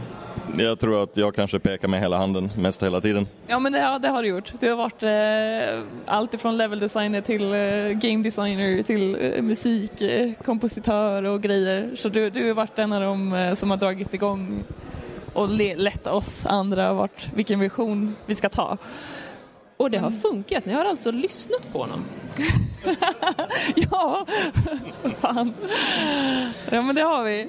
Ja. Blint. Blint. Och nu får vi se resultatet och sen så går alla hem och Ja, gråter. verkligen. men det har ju blivit ett spel i slutändan så vi har gjort någonting. Ja, det kom ihop till slut faktiskt. Eh, Men det, men det har funkat ganska, ganska bra även tidigare år med att alla har väldigt tydliga roller. Så att det är väldigt lite, väldigt lite jag vill säga overlap för att jag är så svängelsk av mig. Eh, Men att eh, även när vi har två grafiker så är det en väldigt tydlig uppdelning Ja. vem gör vad. Ja, verkligen. Ja, men det märks ju också i kod också. Ja. Definitivt. Eh, för ni, ni är ju vana vid att jobba med programmering. Ni, eh, ni jobbar med det mm, som ert dayjob också, inte sant? Ja, jag gör väl... Jag, jag gör det. Och eh, Robert på, på teamet gör också det. Jag och Emily då, vi eh, jobbar som artist, eller ja, som grafiker inom spelbranschen. Eh, Men jobbar ni tillsammans med varandra på, på ert dayjob eller är det bara när ni träffas för Game Jam som det händer de här fantastiska sakerna? Jag och Robert arbetar tillsammans eh, dagligen. Eh, Ida är så långt bort på samma våning så att eh, vi träffas aldrig nästan. Ja, ja, men precis. Man möter varandra i lunchrummet. Kaffemaskinen. Gött. Eh, Men eftersom ni jobbar in där, vad, vad, vad försöker ni få ut genom att komma? Är det bara att ha kul helt enkelt och träffas och göra någonting vid sidan av jobbet? Eller är det liksom bara att, ja men ska vi få några nya idéer, man kommer ut och kikar vad annars folk... Indiescenen är rätt stor så är det liksom, var, var, varför är ni på Game Jams? Är det liksom bara för att ha kul helt enkelt? Eller se vad som är populärt bland folk just nu? Men jag tror vi allihopa är ganska drivna som personer. Jag- tror vi har hittat en, en bra liksom, grupp och liksom har samma vision och mål när det kommer till ett game jam. Att vi allihopa sitter uppe ganska sent eller så mycket som vi orkar och sen att vi har ja, men det här tydliga roller och, och liksom Ja, när det funkar bra så blir det att man jobbar ett par timmar i sträck och sen tar man fem minuter och diskuterar ett problem som dyker upp och sen kör man på ett par timmar igen. Så det är väldigt, väldigt friktionsfritt jämfört då med kanske ens, ens dagliga arbete. Eh, och det är väldigt tilltalande bara det, men, det, Ja. men det, jag tror att det tyder på att, att, som du säger, att alla är ganska drivna. Vi har väldigt tydliga roller i teamet och, jag menar för- mig, poängen är det är både semester och utmaning vilket väl också är någon slags semester för hjärnan lite grann. Att göra någonting som är kreativt för ens egen del och inte åt en jättestor arbetsgivare någon annanstans. Eh, Så nu en fråga som vi kan ställa nu när James inte står och lyssnar över axeln på oss. är ett game jam någonting ni skulle rekommendera för någon som kanske inte jobbar med programmering professionellt utan vill försöka komma in och särskilt också som spelprogrammerare? Absolut. Alltså helt klart. Eh, Det finns ju väldigt, väldigt många olika verktyg man kan använda som gör det nästan redundant att behöva en, en, en yrkesverksam programmerare för att, för att klara sig. Det finns så mycket, så mycket bra saker, plus att du kan alltid träffa någon på plats som kan bistå med kod. Det brukar vara eh, väldigt mycket programmerare till grafiker och designers och eh, musiker på sådana här events. Ja, gud ja. Så att, eh, absolut, bara kom. Men jag tror också man, eh, typ som nu eh, precis i starten av Castle Game Jam så fanns det tillfälle att starta grupper. Och vi sen innan hade ju en grupp. Eh, Men däremot så var det flera stycken som inte hade det. Och då kan man ju alltid hitta någon som är liksom mer säker på sin grej när det kommer till programmering eller kan mer om art eller ja, alla de här verktygen. Så man hittar liksom någon typ av balans. Så, men det gäller kanske bara att våga. Härligt. Men då så. Då är vi nöjda så. Då ska vi släppa iväg er och så ska ni få sova. Tack så mycket. hörni. Och där var vi tillbaka eh, efter intervjun. Och eh, vi kan väl ta och prata lite om spelet i fråga, Sky Warrior. Eller Warriors. Sky Warrior, ja. Ehm, Det är bara en, så... hur som haver. Eh, intryck av spelet? Eh, väldigt eh, Zelda. Zelda 2-känsla. Mm. Eh, med... Va? Ja. Zelda 2. det är- Just Zelda 2. Zelda 2 är ju i Side-scroller. side-scroller. Side-scroller-spelare. Är det det som är side-scrollen? Ja, okej. tvåan tvåan är... Link, är det, Är det Link Link's- to the Past jag tänker på kanske? Ja, nej men det är ju typ trean, är det inte det? Ja. Nå, något Ja, jag tror jag förtränger tvåan. Ja, Ja, men det är okej. De nämnde tvåan men eh, ja, som sagt det var Tobias som inte hade sovit eh, på ett dygn. Ja, precis. Han hade inte sovit ännu när vi intervjuade Precis. honom. Så. Nej. Ja. Eh, ja, nej men väldigt eh, ja, trevligt. Eh, med en karaktär eh, med fräsigt långt rött hår och rätt mycket junk in her trunk så att säga. De ville ju inte erkänna att de hade haft dig som inspiration. Eller hur var det nu igen? Ja, självfallet, självfallet. Nej men alltså, jag är ledsen, jag kommer inte upp i den rumpstorleken. Det, det bara... Det var väl lite önsketänkande på deras bit också. Ja, precis. Eh, nej men, eh, gulligt och för att ha gjorts på en vecka med egen musik, egna ljudeffekter och allting. Och ändå eh, relativt solida animationer och så vidare. Ja, stiligt jobbat. Ja, verkligen. Redigt Mm. stiligt jobbat. Jag blev, alltså, jag som inte har varit med eller har sett något sånt här evenemang och så har varit ju ver- verkligen imponerad av det här spelet. Mm. Av den enkla anledningen att den har så komplett eh, upplevelse. Ja. Ljud och musik och grafik. eh, Som i sig var den retroartad men färgglad. Mm. Så ja, jag, jag tyckte det var kul att se faktiskt. Jag vet inte, jag satt ju och spelade i säkert en 20 minuter eller något sånt Mm. där. Jag kom upp till... Jag lyckades levela upp allting till level 5, tror jag. För du har ju progression. Du, kan, du måste levela upp alla tre saker. Det är eh, attack, hälsa och Snabbhet. snabbhet, tror jag. Det handlar inte bara om hur snabbt du slår utan hur snabbt du rör dig också. Så att, eh, I början så rör du ganska sakta men efter ett tag så, så har du levelat upp det så rör du ganska fort. Mm. Och eh, det, det var väldigt nice faktiskt. Det, Mm. det var så här avslappnande ändå att kunna si- sitta och spela. Det är lite tråkigt att man måste börja om på level 1 efter man Lite roguelike på det sättet. Ja, och det var ju lite tråkigt. Jag är inte så jätteförtjust i sådana spel. På, för att jag vill behålla min progression. Eh, så, och det, det kändes som det var lite obalanserat när det kom till XP och sånt där mot, mot slut. När man kom upp till level 5 och sådär 6 så då tog det väldigt lång tid. Även om fienderna var lite svårare så tog det mycket längre tid att levla upp. Det verkade som man droppade lika, eller droppade, man fick lika mycket XP för dem. Men eh, ja, som spel. Gjort på en vecka. Det jag tyckte det var väldigt snyggt. Är den där typen av matcher. Även om det var ju lite... Vad ska man säga? Den hade ju, huvudkaraktären har ju lite... eh, det är en speciell stil. Det är inte... Mm. Man ser ju inte att det är... Det, det är en kvinna, det ser man ju. Men den är ju ganska indistinkt ändå. Förutom att hon har en stor rumpa. Det är typ... Ja, och långt rött hår. Ja, det. Glöm inte det vackra röda håret. Ja, precis. Det, det är typ det. Eh, det, det, det är typ det man ser. Ja. Det, utöver Ja, det så... förutom hennes väldigt imponerande svärd och sköld. Ja, precis. Det, det är ju de stora två assets hon har egentligen. Svärdsköld, liksom. Det är det. Nej, det var inte mycket i den department, Danny. Eh, inte- men, uh, när jag, så att, eh, och fienderna var ju relativt, inte så jättevarierande, men jag vet inte hur det ser ut om man hade gått ännu längre, vilket jag... Så att de hade Ja, ju... för de var ju procedural generated. Ja, de hade, Mm. ja men den, den känner ju for- fortfarande av hur, hur man går progression. Liksom, under- så- för du Precis, för det inte på kom ju, det kom ju fler och eh, större variation av fiender eh, Mm. ju längre du har kommit på en bana.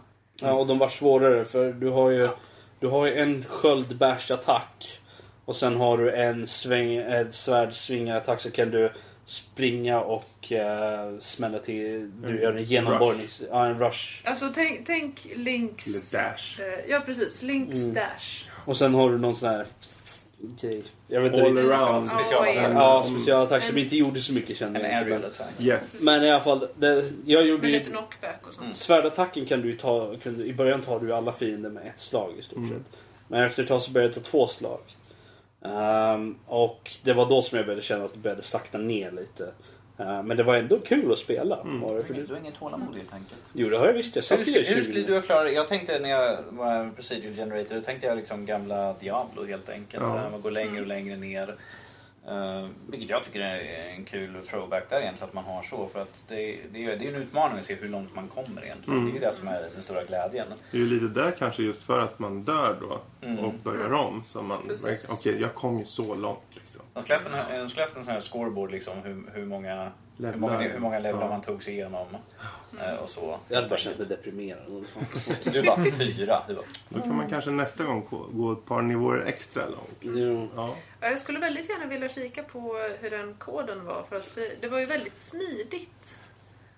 Ehm, och ja, se, se hur det genererades. Mm. Jo. Eh, För det, det var smidigt, det var bra variation på kartorna. Ehm, men det var fortfarande liksom vettiga kartor. Ja. De hade ju även så här lås på vissa ställen där man, Mm. var tvungen att hitta en nyckel eh, och sånt där. Så det, Precis, och det var ju det också... fanns en och enbart en nyckel att hitta på de nivåerna. Mm, precis. Och de hade ju några ställen också man kunde gå. För du har ju ett, ett rum där du går ner till nästa nivå. Och de, ibland så har de en boss, ibland har de inte. Ibland finns det fiender, ibland finns det inte. Men sen finns det sådana rum som är tomma. Som Mm. inte har en nedgång. Och då är det lite så lurendrejeri så då får man gå vidare Mm. till nästa liksom. Så att, eh, så att Mm. de hade ju, den genererar alltså falska eh, exitrum. Vilket jag tyckte var intressant ändå. Ja. Och jag måste också bara berömma musiken. Eh, Den- musiken och ja. ljudeffekterna. Musiken var... Ja, ljudeffekterna var inte så jättespeciella skulle jag inte påstå. Tyckte inte jag i alla fall. De var okej. Det var ju vanliga svingarljud, står liksom så här. Jo men alltså för de, de här skriken. Eh, Som jag känner... både, både karaktären, huvudpersonen och monstren. För att det varit liksom fyra nördar som sitter Ja. vid ett långbord med en massa andra nördar med vad jag antar var liksom ett headset och tycker Eller? De kanske gick in, de kanske gick någon annanstans för att spela in just det ljudet. Men eh, musiken tyckte jag var, den kändes väldigt, eh, eh, typ kines, asiatiskt eh, eh, aktiv musik kände jag, tyckte jag det var. Det var eh, väldigt den typen, man ser mycket i typ så här, inte, japanskt eller så här, det var Eh, väldigt plink-plonk aktigt. SOPK, du vet den här asiatisk Plink, plink-plonk. Ja men alltså plink-plonk musik. Alltså, det är så- Rob at Nordlivpodcast. Ja, det är bara att skicka in. Jag är inte PK för fem öre. Fuck you. Ja, vi, vi rundar av där tror jag. För vi, det, vi ska inte betygsätta eller gå in så. Men det var ju helt klart eh, väldigt uh, särgeget spel där. Om vi säger så här, det är eh, intressant om man ska, ska ju testa det ifall man får tillgång. Kan Absolut. Vilket ni kan göra just nu via uh, Castle Game Jams hemsida. Yes. Bara gå in där och så hittar ni nog eh, spelen. Det finns alla övriga utvecklares spel också. Jag tycker, Mestadels jag tycker definitivt de skulle kunna gå vidare med det här och göra, göra ett, det, det känns ju nästan som ett färdigt spel, ett så här roguelike. Ja, väldigt, så, väldigt så att det, det skulle, jag skulle inte förvåna mig om man ser det här på Steam om ett tag. Mm. Så att det här var alltså Team Skywale. Eh, om ni vill gå in på castlegamejam.com. Kom.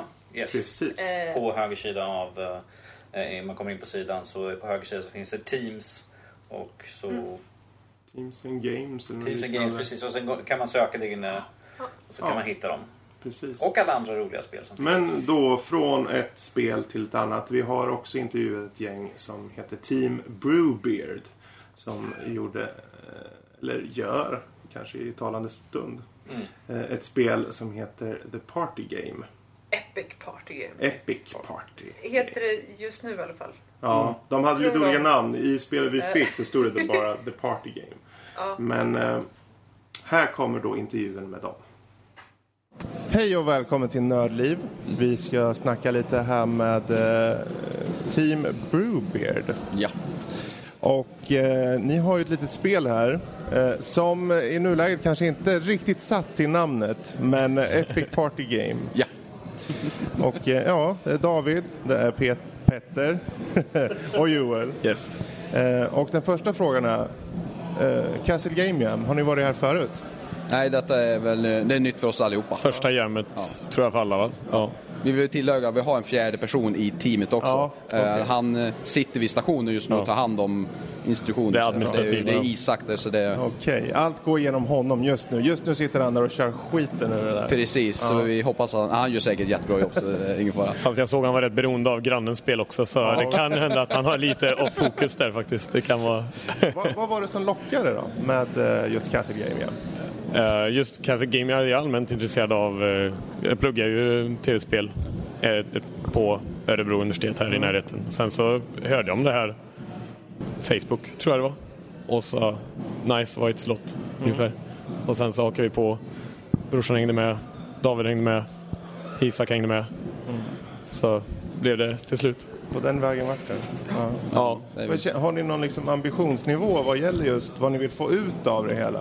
Eh, Ja, för min del så var det väl mest eh, erfarenheten och möjligheten att träffa andra liksom, och byta idéer. Det var egentligen det jag var, ville få ut av det här. Men sen eh, hoppas jag väl i framtiden att det ska väl leda till någonting eh, mer professionellt i, inom stu, liksom, the games. Liksom. gemensamt mål, mål var väl egentligen bara att göra klart ett spel, tror jag. Egentligen. Ja, em, första gången så ja.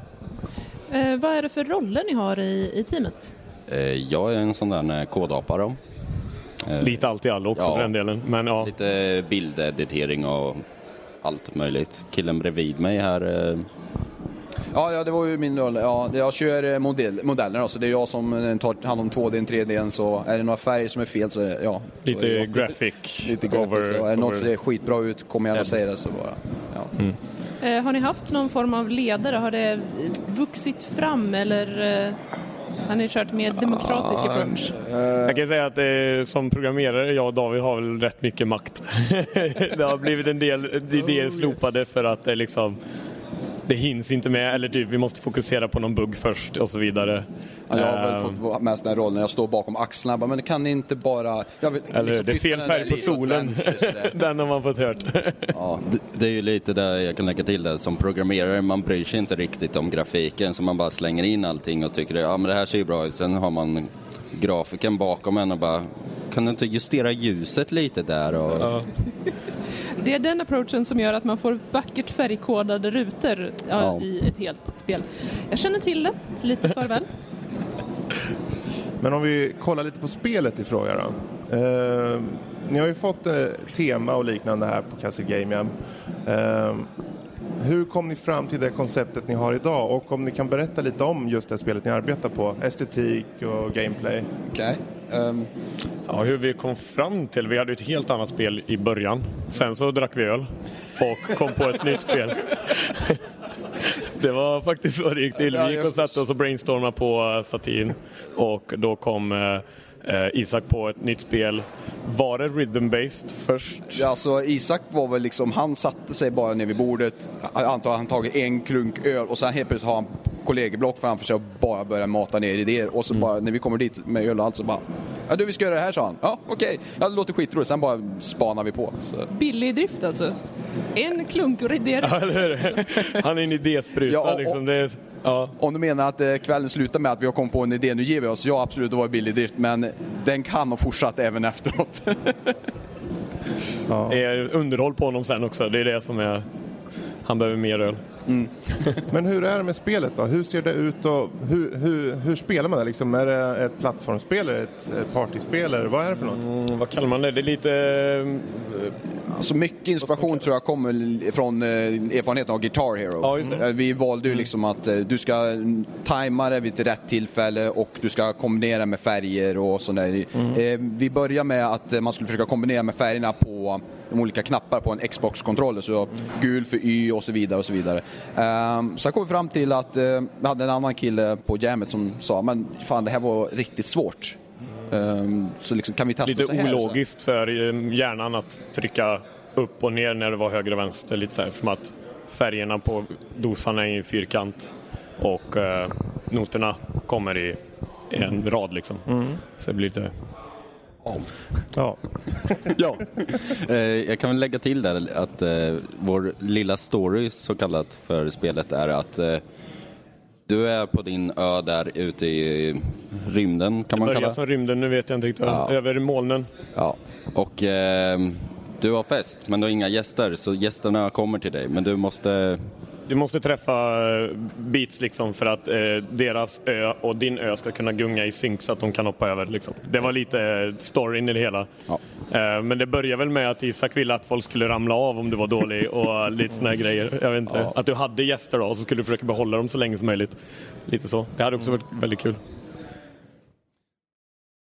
Eh, Så att de här utmaningarna, till exempel det här med flytande öar och grejer, det är ju en, ett av temana eh, Ja. som man har kunnat välja. Har ni valt att använda några fler av de här utmaningarna i spelet? Eh, vad blir det? Rhythm-based, eh, Castle, Floating Islands. Vad hade vi mer med, tro? Ja, lite minimalistiskt. Eh, vad mer? Low poly får jag väl säga att det är. Ja. Ja.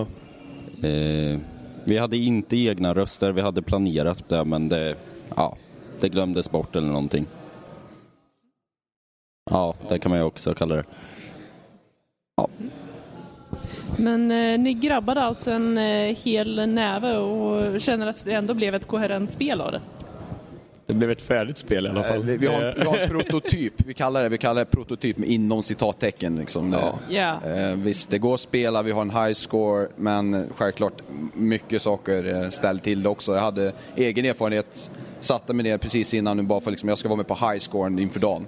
Och det går väldigt bra, men så fort som jag känner nu är jag inne i rytmen kommer ett moln och suddar över alltihopa så jag ser inte vad som händer och sen tappar jag alltihopa. Så. Det var ju rätt kul med highscoren där ett tag också för att vi hade lite problem med hur vi sparade över det till highscore-screenen. Så ettan hade något nära 172 sekunder eller någonting. Jag kommer inte ihåg vad det var. Och så hade tvåan fyra meter. det, det, det var bra scoreboard. Ja! Härligt. Um, alltså, nu, nu har ni ju varit, inte varit på någon Game Jam tidigare, men, utan det blir lite sådär prima vista-känsla här. Uh, hur har ni upplevt det själva och hur har stämningen varit bland de andra utvecklarna? Det enda jag kan klaga på är väl att internet varit dåligt. Annars har allting varit skitkul hela vägen Ja. egentligen. Det, det har ju varit lite utlovande grejer som att vi skulle få gratis mat och sånt där och det har ju skjutits bort då. Men förutom det, jag tycker människorna här har varit helt underbara att vara med. Ja, och väldigt kreativ miljö, träffar väldigt mycket spännande folk. Sen har det varit schysst att det varit väldigt mycket, det är inte liksom varit mycket utom, utifrån, alltså inte bara svenskar. Jag tror det var 50% svenskar och det var 21 länder totalt som kom hit tror jag. Det är ju rätt schysst, det var väldigt kul att få lite mer kultur. Mhm.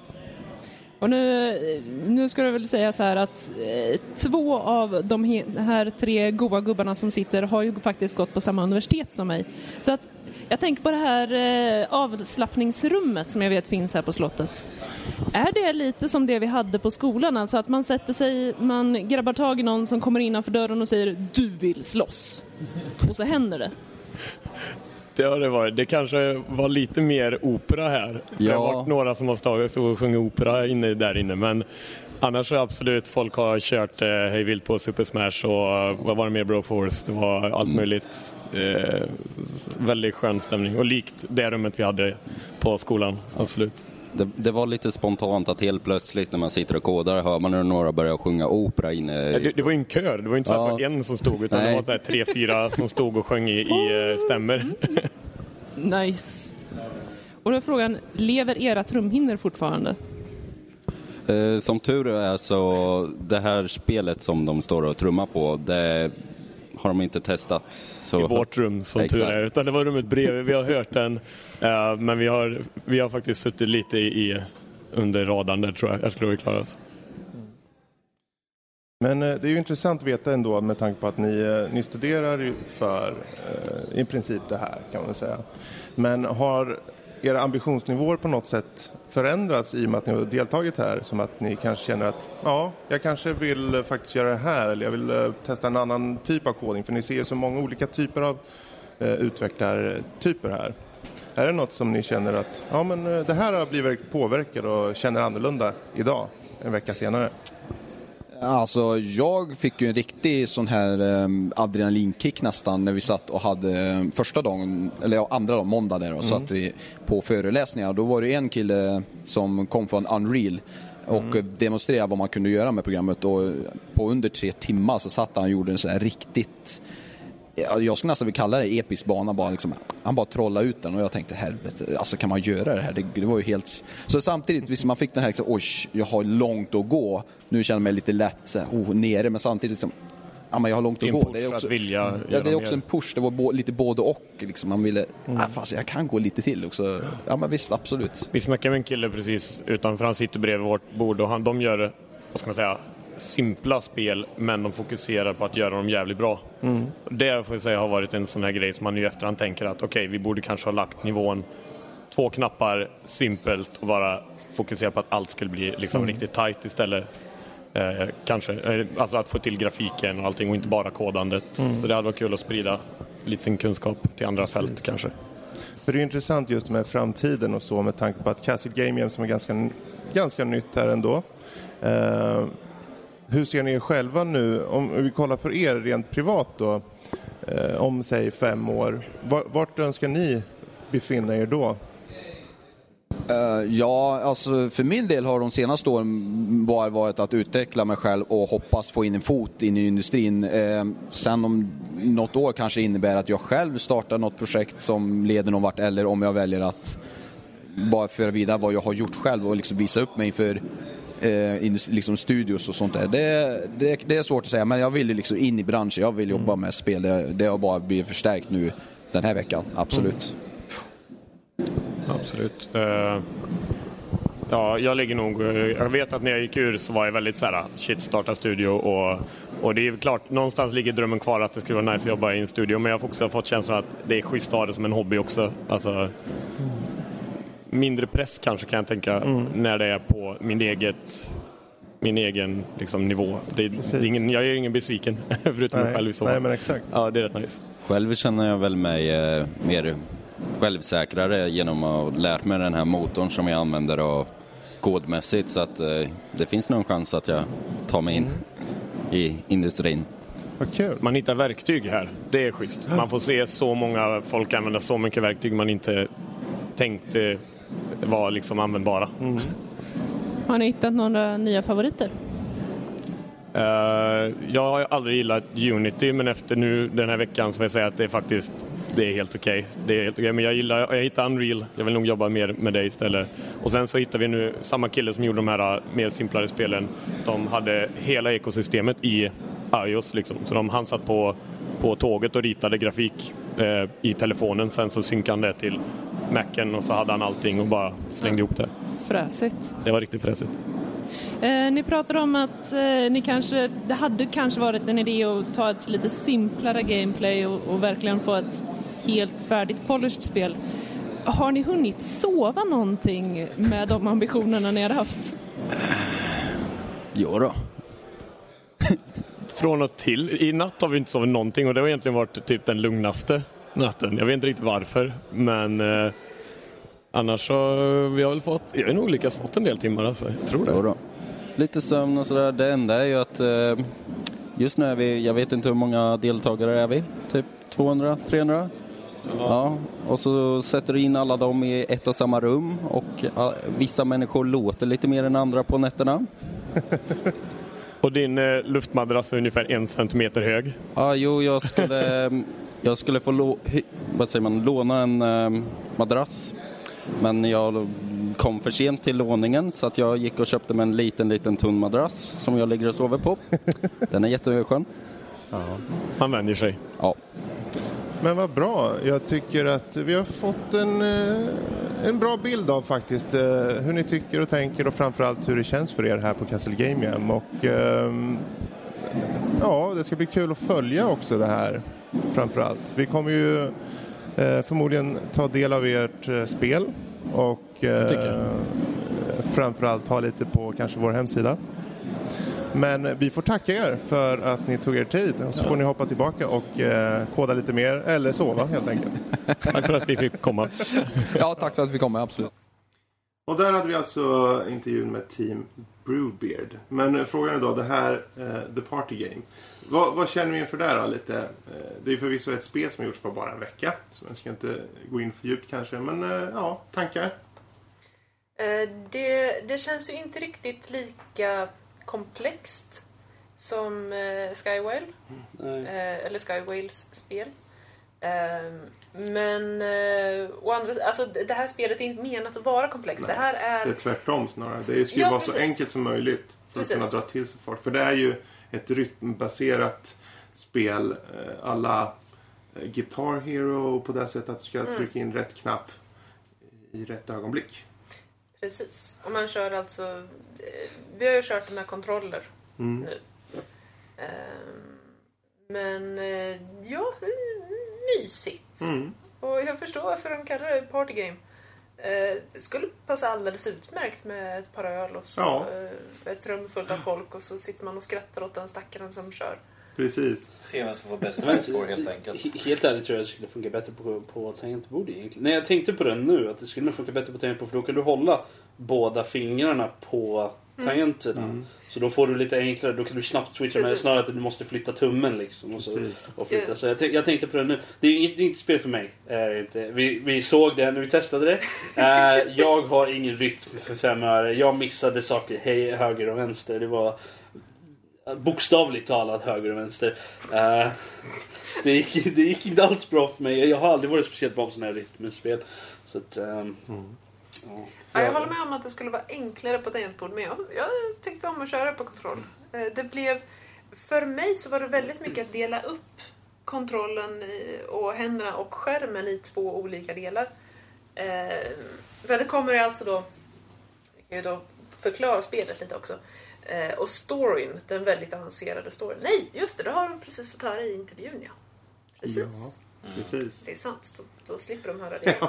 Men det kommer ju alltså, då, de här besökarna kommer ju då från fyra olika håll. Eh, och då på vänsterhanden så styr man då med styrkorset och på högerhanden så har man då A och B eh, på Xbox-kontroller. Ehm, och för mig så, enda sättet jag fick det att funka och funka bra, det var verkligen att, att nästan dela upp hela mig i två delar. Och tänkte att ja, men allt som hamnar på den sidan skärmen, det, det är vänsterhanden. Allt som hamnar på den sidan skärmen är högerhanden. Och sen försöka att inte Mm. blanda ihop de här. Vänta, vadå? Så du delar inte upp hur du tänker liksom vanligtvis? Eller vadå? Nej, alltså jag har en ganska holistisk syn. Du vet, när jag ser saker med två ögon så blir det en bild i min hjärna. Ja, tydligen så gör du inte det för mig. Kanske där är Så vi illustrerade med, med night vision-grejer. Ja, ja, nej, ja, det är ingenting som lyssnarna kommer veta någonting om. Men ja, ja, nej, jag, jag, jag har... Jag är alltid uppdelad så jag har bara svårt att koordinera dem. Uppenbarligen. Alltså det är ett enkelt koncept som, som, som eh, att ta sig an. Men det är ju kanske inte lika enkelt att göra det bra. Och jag tyckte ändå en veckas tid då de har gjort det. eh, Liksom rymdskepp som flyger mot en flytande så här, slott på en, ja, uppe i Lite luften. mjukt gungande sådär. Ja. Vi var ju, vi var ju uppe tidigare i veckan nu här på Castle Game och kikade, var vi och kikade på när de håller på att fixa det där och eh, var någon utav oss som inte kunde låta bli att in och pilla i kod och sånt där. Vi nämner inga namn, Lotta. Eh, men det var rätt, rätt intressant för att eh, även jag, vi gav lite, även jag var med och gav lite input på själv. Som jag spelar ju väldigt mycket spel så jag vet ju vad jag vill ha och vi, satt, vi stod och diskuterade lite grann på eh, vinklingen av själva ön och sånt där och hur nära och eh, för när, när de kommer inflygande så där vilket som blir bäst för att när de kommer från nedre skärmen så är det bättre ifall man har en, en bättre vinkel så att man ser dem på en längre tid. För på ovansidan så ser man ju ett bra tag innan de kommer. Sådana där saker. Eh, och sen var det timing var inne på för explosioner för de hade eh, ett tag så var det att de hade dubbla explosioner på grund av att de hade klonat explosionen så att den kom typ en sekund efteråt också. Så man sprängde en sak, sen en se- sekund senare kom en till explosion. Lite Ja, småkul. var, var lite spännande saker med partiklar i Unity. Mm, oj, eh, det var ju någon sån här, eh, en ny Unity för Linux, eller vad var det för någonting? Jag kommer inte riktigt ihåg. Ja, precis. Eh, Det är alltså det är en betaversion. Mm. Unity 5. Den, den, Ja, den var ju, det var inte en helt stabil för vi skulle kolla på det, han skulle implementera någonting och varje gång han skulle gå in på inställningen för att implementera så, så kraschade det för honom. Tre gånger i rad. Han bara okej, fjärde gången gillt nu har jag liksom, så, så liksom bara, ah, nu kan jag visa upp den här saken. Så det var lite småkul. Så man bara, ja, men det är lite instabilt. Så Det är de här utmaningarna och det är antagligen det som är det roliga med just Precis, plus att de får ju Mm. lära sig då som de, som de sa att de hade varit och tittat på den här eh, tre timmars eh, Föreläsningen. föreläsningen. Ja, precis. där, de, där de fick Eh, lära sig liksom om Unity. mm. Och nu satt de liksom och... Men det, det var eh, för Unreal. Ja, just det. så. Det var Unreal Engine. Ehm, och den, den var faktiskt väldigt fascinerande, den föreläsningen. Jag satt med på den också. Eh, men eh, de sitter ju alltså i eh, Unity. Unifem. Eh, stora skillnaden för programmerare är att i Unreal Engine så sitter du i C++ och i Unity så sitter du i C-sharp. Eh, det här kan vara en dealbreaker för folk så att, eh, ja, så. Mm. Men vi säger så här, jag stod, jag stod och tittade på när han var inne och det var ju väldigt lätt och överskådlig egentligen på Mm. själva programmet. För det var ju väldigt, alltså det var ju väldigt mycket man kunde gå och välja men att det var ju väldigt snabbt att komma runt i själva Mm. programvaran ju. Och man kunde ju snabbt se liksom vad du skulle fylla i för allting, eh, när du skulle vinkla och, och eh, fylla i liksom hur många milsekunder du skulle- du skulle klona någonting, explosionerna till exempel. Och det var väldigt enkelt. Och, och ibland så var det liksom in i en notepad bara ex, in i själva koden och ändra någonting. Så det var ju väldigt snabbt och enkelt att implementera det, de ändringarna de gjorde. Så det var ganska kul att stå och titta över axeln där och liksom Mm. se när, när de höll på och lekte där. Ja, men det är en ganska smidig motor, Mm. eh, Unity. Så att, Ja. Men det är ju i alla fall det är ju ett spel eh, som, som är kul att ta en titt på och eh, även där eh, ta hoppa in på Castle Game Jams hemsida så, så kan ni eh, leta upp The Party Game eh, under var- Team Brewbeard. De har fortfarande inte riktigt, eller hade i alla fall inte Mm. när vi körde versionen här förut idag. Eh, så hade de inte hunnit fixa det här med leaderboards. Mm. Men eh, de skulle ta och fortsätta peta lite på det så. Mm. Så vi får Ja. se. De kanske slänger upp en uppgraderad version. Ja, Ja. precis. De har, de har ju tillgång till det eh, kontinuerligt så vitt jag förstod. Ja, jo, det var ju för att man ville fixa klart men ska nog bara slänga upp det så att folk kan få den, den, den nu säger jag med kaninöron här, men den slutgiltiga versionen och där de håller på med här på deras prototyp så, de, Mm. så fint som de sa ju. Ja, precis. Och vad ni än gör, tro inte på alla knappar ni ser i det här spelet. Det, det är det enda jag kommer säga. Knapparna försöker lura er. Bara, bara så ni vet. So you know. Mm. Men där har vi i alla fall eh, våra intervjuer med eh, två av utvecklarna på Castle Game Jam. Men eh, vi har ju också en intervju med eh, arrangören eh, av Castle Game Jam, eh, James New North. Eh, New North. Eh, Det går bra för dig Fredrik med det där med han sa själv att det var lite kunde vara lite svårt. Till och med han hade svårt. Vilket vi kommer få höra nu. För här kommer då intervjun med arrangören James. Välkommen till Nördliv. Och eh, vi ska ta och prata lite med James här som har hand om Castle Game Jam kan man säga. Men eh, min första fråga är ju då Castle Game Jam, hur kommer det sig att du håller på med det helt enkelt? Ja, eh, se om jag kan göra en lång historia kort. Eh, har rest runt i världen för eh, företag och fått träffa utvecklare. För jag är lite taggad på att träffa de bästa utvecklarna jag kan hitta i princip. För jag, är själv väldigt, jag gillar att tävla i programmering till exempel. Men jag har aldrig riktigt blivit nöjd. Och då kände jag, men kan jag göra något åt det? Kan jag skapa ett eget event där jag försöker samla då de, de alltså bästa i form av de mest ambitiösa, de som verkligen brinner för vad de gör, Mhm. på ett ställe. Och, och kan jag göra det så tror jag att man kommer kunna, ja, då kan man verkligen slå gnistor där med, Mm. mellan folk och skapa intressanta projekt Mm. och sånt. Vad är, vad, är dina, vad är din egen ambitionsnivå på för framtiden av eh, Castle Game Jam? Vart vill du att det ska ta vägen? Oj, jag har väldigt höga ambitioner om man säger så här. Jag vet inte riktigt hur många som är verklighetsförankrade. Men eh, vi vill ju försöka hålla det här varje år först och främst. Eh, sen så ser jag gärna att vi kanske eh, grenar ut och gör lite mindre events också. Eh, Vi tittar redan nu på, vi pratar med partners om att göra förevents. Eh, där vi då till exempel gör något form av tre dagars mini-jam med ett specifik motor eller med, med något specifikt eh, verktyg för att få folk att lära sig verktygen och så kan de sen använda det på jammen. Mm. För att det är lite det jammen handlar lite om, att man ska kunna lära sig och man ska bli bättre. Mm. Och, och det, finns, det kommer ju nya verktyg som förbättrar arbetssätten men ibland måste man ta sig tid att lära sig det. Så att, det är lite sådana event ska vi erbjuda. Och samt lite mindre events för de som är sugna på att jamma men inte kanske är sugen på att eh, hänga med 300 personer samtidigt. Så att förra året då var vi ute i skogen i Småland, vi hade jacuzzi, vi hade lite bastu och alltihopa. Och vi tittar på att göra något liknande i vinter. Härligt. Har det kliat mycket i fingrarna på att vara med själv i år eller har du haft alldeles för mycket administrativt att göra? Eh, givetvis kliar det och det gör det hela tiden. Jag har ju alltid varit eh, drömt om att få utveckla spel men eh, fastnar lätt i mjukvaruutveckling och, och sådant. Vad är just din personliga resa så att säga? Vart, kommer du ifrån? Både rent ja, bokstavligen vart kommer du ifrån men också ehm, har du studerat själv liksom, eller är du självlärd och så vidare? Eh, ja, eh, jag började, började spela väldigt tidigt, typ två år. Liksom. Då satt man och spelade redan på Nintendot. Eh, och det gick ju vidare till Commodore 64 och allt möjligt. Och någonstans eh, när jag var 11 år så satt jag där och spelade de här tyska rollspelen. Eh, det var en tysk motsvarighet till Dungeons and Dragons kan man säga. Och det var väldigt intressant. Det det är det typiska med att där finns så många valmöjligheter på vad man kan göra och du har inget internet så du kan inte kolla upp någonting. Så det är bara så här, det är fantasin som sätter gränserna på vad du kommer kunna göra i spelet. Och, men någonstans där så kändes det som att det inte var tillräckligt. För att jag kände att ja, men, det här hade man ändå kunnat förbättra och så tittade, jag- hittade, jag började, började hitta förbättringar på spelen och så tänkte jag men okej, någon har ju gjort det här hur, hur gjorde de detta? Så började jag titta, försöka redigera filer och sådär. Ni vet, man kan ju inte bara sitta så här och redigera en exe-fil. Så att, men, men jag försökte.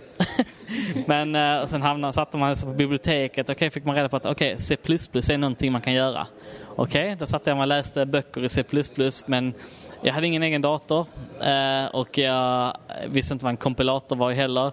Så jag bara satt och memorerade koden. Så att jag till slut kunde jag, ändå jag kunde skriva koden på papper och sen kunde jag någorlunda föreställa mig vad som skulle hända på datorn. Och när jag väl fick en dator skulle, för, för det här så satt jag och skrev det i, i Notepad och sparade som .exe och fattade inte varför ingenting fungerar. Men, så det, det började där och nu är jag 28 år och eh, jobbar med det här 24-7 fortfarande. Det har varit hela tiden programmering sedan 11 år. Så att, eh, ja, det är det som gäller. Ingen, jag har ingen utbildning eller något sånt. Jag började jobba direkt efter gymnasiet. Mm. Men eh, om vi kollar just på Castle Game Jam i sig då. Vad anser du är den främsta eller styrkan i Castle Game Jam? Styrkan? Oj, det är svårt. Eh, eller ja. Har man betänketid? Kan, Ja kan folk säga att jag sitter och tänker? Nej, men eh, jag tror att jag har en... om, om, jag antar att om man ska titta på vad som gör oss unikt så måste man ju också titta på vad, de andra eventen och jämföra med dem. Och jag tror jag har eh, ett annat, en annan perspektiv på vad är ett event och vad gör ett event bra och vad ska man titta på för att kunna göra ett event bra. Eh, med detta säger jag inte att det här eventet är vad jag vill att det ska vara än. Eh, det, det saknas väldigt mycket detaljer på det här eventet för att jag ska vara nöjd. Även ifall många som är här är väldigt nöjda så är jag inte riktigt nöjd än. Eh, men jag, jag tittar jag, jag, jag vill titta på detaljerna lite mer. Jag vill eh, göra det lättare för allihopa att kunna delta. Och Mm. Jag vill hitta den rätt kombination av människor. Och inte bara säga att det är öppet för alla. För att är det öppet för alla så är det fortfarande bara en viss typ av människa som kommer. Utan man måste försöka på något sätt inrikta sig. Ifall man, ifall man vill göra någonting unikt så måste man inrikta sig på en viss grupp och, och locka den här gruppen för då kommer den här gruppen må bra. Mm. Alla grupper mår inte bra av varandra. Tyvärr är det ju så och, eh, och det är lite det jag har väl lätt att acceptera och jag tror kanske det är som gör en stor skillnad. Eh, På tal om öppet för alla. Idag, nu på lördagen, så är ju faktiskt Castle Game Jam öppet för allmänheten. Eh, och bjuder in för att testa de olika spelen och sådär. Hur verkar det ha funkat? Ja, det pågår ju nu och det är ju, det är ju kaos på ett eh, positivt sätt där ute. Det är jättekul att se eh, både barn och väldigt många äldre komma in här in och testa spelen. Eh, Särskilt när det kommer till virtual reality-spelen så är det rätt kul att se de, de äldre testa på det. Och responsen från utvecklarna har varit positiv också. Det är, det är väldigt sällan de, jag vill säga så här, de flesta, eller snarare de har aldrig varit med om att på ett jam få lov att visa upp sina spel för vanliga människor, allmänheten så att säga. Så att, eh, det är ju en eh, kul att kunna erbjuda det och så här. Eh, så det- känns positivt och jag tror det kommer förhoppningsvis ge en bra bild av vad spelutveckling är till allmänheten. För att det är fortfarande så, pratar man spelutveckling så tänker de ah, 15-åringar som sitter och spelar spel. Det är inte riktigt eh, samma sak. Om vi just tittar på deltagarna då. ehm, vad, vad tror du just deras ambition eh, blir påver- hur blir den påverkad av att delta på ett sånt här event?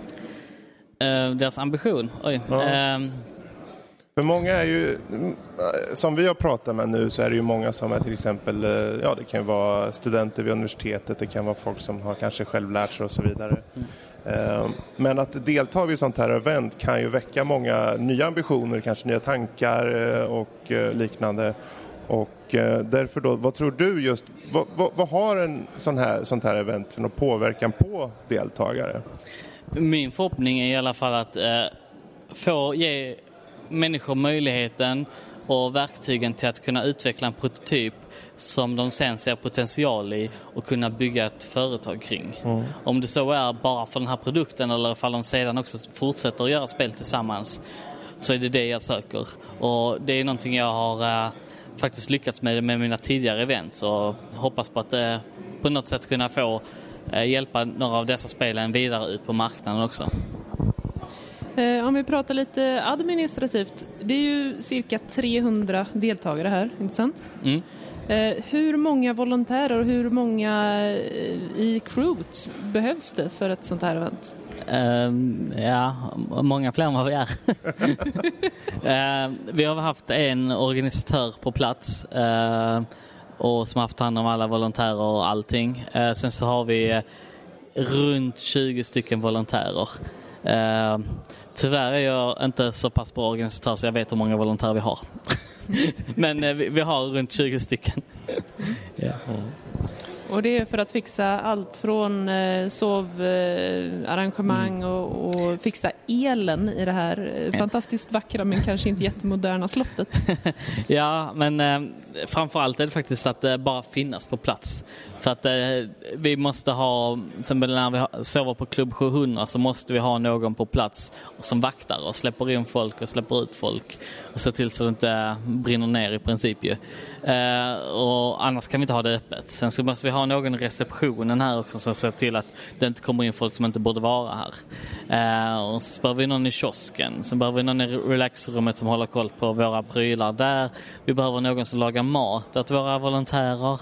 Eh, vi, kommer, vi behöver eh, någon som står där nere på innergården och ser till så att eh, inte turister går upp i slottet. För att nu har de ju öppnat upp eh, Borggården och he- he- hela huset i princip. Bara för att vi ska komma åt den här våningen. Så att, eh, och då måste vi försöka göra vårt bästa se till så att inte turister går in på eh, i resten av slottet. Eh, Har det varit någon incident? Jag menar i och med att det är ändå så mycket människor och även om det finns arrangörer på plats så vet ju det kanske inte de vem som hör till vilket team och, och vem som sover på vilken luftmadrass. Eh, har det varit något problem med saker som har försvunnit eller någonting? Inte vad jag har hört. Allt jag vet är att det är någon som har lyckats eh, sätta hål i sin luftmadrass så vi har fått tejpa det ju. Men eh, Vi kanske inte ska gå in på hur det hände. Nej, men eh, ja, det, det, har, det har hänt att vissa vi har fått konfiskera en hel del alkohol och sen så har jag fått putta ut ett par människor från sovsalarna som varit lite högljudda när de druckit. Eh, men annars har det varit ganska lugnt. Annars har de här 300 människorna skött sig. De har skött sig väldigt bra måste jag säga. Det vet ju alla att nördar, de är ju snälla och beskedliga helt enkelt. Ja. Det, vi är ju sådana. Så Vi, vi är de bara lite bättre. Är det så? Ja. Men, eh, Oj då. ja, jag tror nog att det sätter punkt för den lilla intervjun och vi får tacka jättemycket för att vi fick komma och att du kunde ta dig tid. Eh, och det ska bli jättekul att se framtiden för Castle Game Jam. Eh, det var jättekul att vara här och eh, James New North. Ja. Tack för att du var med. Tack så jättemycket för att ni ville komma. Där hade vi alltså intervjun med James och eh, det får oss att eh, komma in på just ämnet eh, betydligt mer träffsäkert då kanske om Castle Game Jam i sig. Eh, lite vad vi kände att vi upplevde där men också ja, vad vi såg och intrycken vi fick. Eh, vi börjar med valfri person här. Va, vad kände ni om Castle Game Jam som evenemang? Det var varmt. Ja. Inte så bra luftkonditionering på slottet. Ish. Det var mycket fönster som var öppna men det kändes liksom som att fortfarande göra. Det, det var inte slottet vi skulle diskutera, var själva innehållet i slottet. Ja men det var ju varmt inne i... Okej. Eh, Lotta, snälla led oss. ja, jag ska leda er ur den här härvan som Rob har försatt oss i. Förlåt då. Ah, Okej då, eftersom det är du. Ehm, nej, alltså jag, jag tyckte ju väldigt bra om Game Jammet. Eh, det, det kändes att det var mysig stämning. Eh, och man blev så sugen på att bara sätta sig ner och, och knacka kod. Vilket gjorde en sväng. Ehm, nej men alltså det, det kändes, det var, det var en öppen, tre, trevlig, kreativ stämning och folk verkar också vara villiga att diskutera, att utbyta idéer, erfarenheter, att lära Mm. varandra. Det var ju flera där som hade testat på, som vi också hörde i intervjuerna, testat på nya grejer för första gången eh, på Game Jammet. Eh, så att ja, jag kommer ju definitivt vara med nästa år. Mm.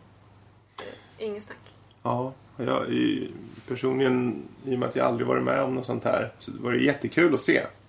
Eh, just engagemanget från deltagarna och drivet framförallt som du säger där. Eh, det är ju det är inte udda men det är, så, det är så sällan man ser det liksom så koncentrerat på en plats också. Mm. Eh, men det, och visst som James säger det kanske det kanske rent organisatoriskt kanske gick lite upp och ner.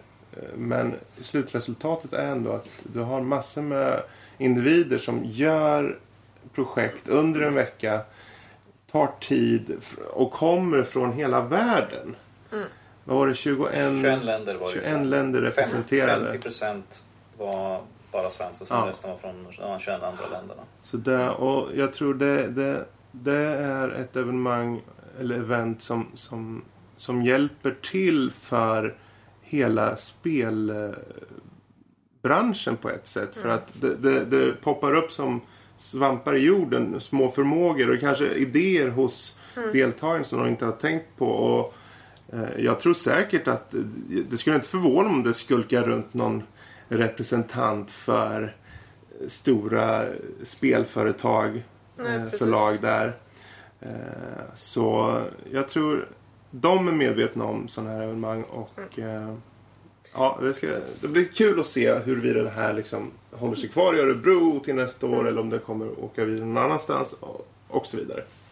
Ja, jag hoppas att det är här i Örebro. James sa att han hade ju fått väldigt bra respons eh, av bland andra då Elite Hotel Mm. och eh, Klubb 700 och inte minst Örebro slott då. Ehm, och väldigt god kontakt och väldigt mycket hjälp och, och sådär. Eh, och också det har ju varit ett fantastiskt mediepådrag. Eh, han och de andra eh, arrangörerna har ju inte på något sätt försökt dra, försökt dra dit media. Men det har ju bara varit där både SVT och SR och, Mm. och NA och eh, massor. Och vi var ju där Ja, också. inte minst. Vi var ju största liksom. Sveriges mumsigaste podcast. Sär- I Precis. särklass mumsigaste. Det tar sig. Ja, det är bra. Jag, tyck, jag tyckte det var intressant att se så, många, så mycket olika typer av nördar samlade på ett och samma ställe så, där Mm. de inte var utklädda till någonting. Nej. Eh, Nej men alltså det är ju verkligen olika... Man, man ser att man kommer från olika uppväxt, man har olika intressen. Men man känner sig ändå, man känner ändå den här delaktigheten, den här gemenskapen. Mm. Ehm, och eh, ja, det, det är en väldigt speciell känsla. Ja, jag är inte säker på det, det var intressant att se också. Det var väldigt det var fler av eh, det kvinnliga könet där också. Det, Än vad jag trodde att det skulle vara faktiskt. Eh, Och det är ju väldigt positivt tycker jag. Att man ser att mer kvinnor ger sig in i, i spelutveckling. sådär. För det vill vi ha. Det är bra. Vi har ju Lotta här men hon kan ju inte vara överallt. Or can I? Kvinnor kan. Ja. Eller? Ja. Vad är det? Man- alla, alla kan. Skriv till Alla Fred- kan. Fredrik Ja. Atnordliv. Fredrik kan. Fredrik kan. Ja. Kan, kan. Kan, kan, kan jag inte. Jag, jag tänkte Eller kan följa- jag? jag tänkte- Kan, jag kan. tänkte bara följa upp det där på det ni sa förut, där, liksom att fler stora studier. Vi hade ju en av föreläsningarna i måndags var ju liksom eh, Why you should pitch a VR game to Coffee Stains. Uh, Coffee Stain de är ju kända för Goat Simulator Sanctum till exempel och de var ju där Ja, eh, de hade ju där eh, en, en väldigt kort grej det var att helt enkelt de ville att de som höll på med VR, VR att de kunde ju faktiskt göra ett spel där som pitchar dem det till dem och se ifall de eventuellt kunde göra en, en deal och helt enkelt göra spelet i, i samarbete med dem och släppa det i så fall senare. Det tycker jag är väldigt intressant att vi Mm. faktiskt hade här på Castle Game Jam. Att, att eh, de skulle ha fram till idag så skulle de ha på sig att liksom göra en pitch helt enkelt.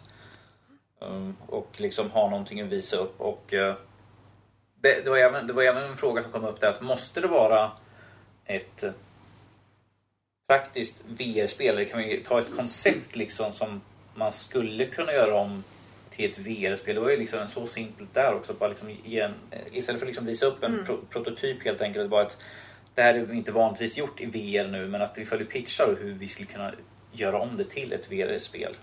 Mm. Det tyckte jag var rätt intressant faktiskt. Ja. Det var ju, ska vi se här nu så att, nej, jag kommer inte ihåg vad den hette för någonting. Men jag, jag, jag fortsätter lite grann senare för jag har lite mer att säga kanske om det här. Men jag tänkte vad ni andra hade sagt, säga. Ja, nej, alltså jag, jag har nog eh, jag har nog fangirlat tillräckligt tror jag. Mm. Eh, nej men alltså verkligen, och, och väl Visst, det var ett par grejer som bara inte hanns med i tid. Visst, det fanns ett par grejer som ekonomin inte räckte till.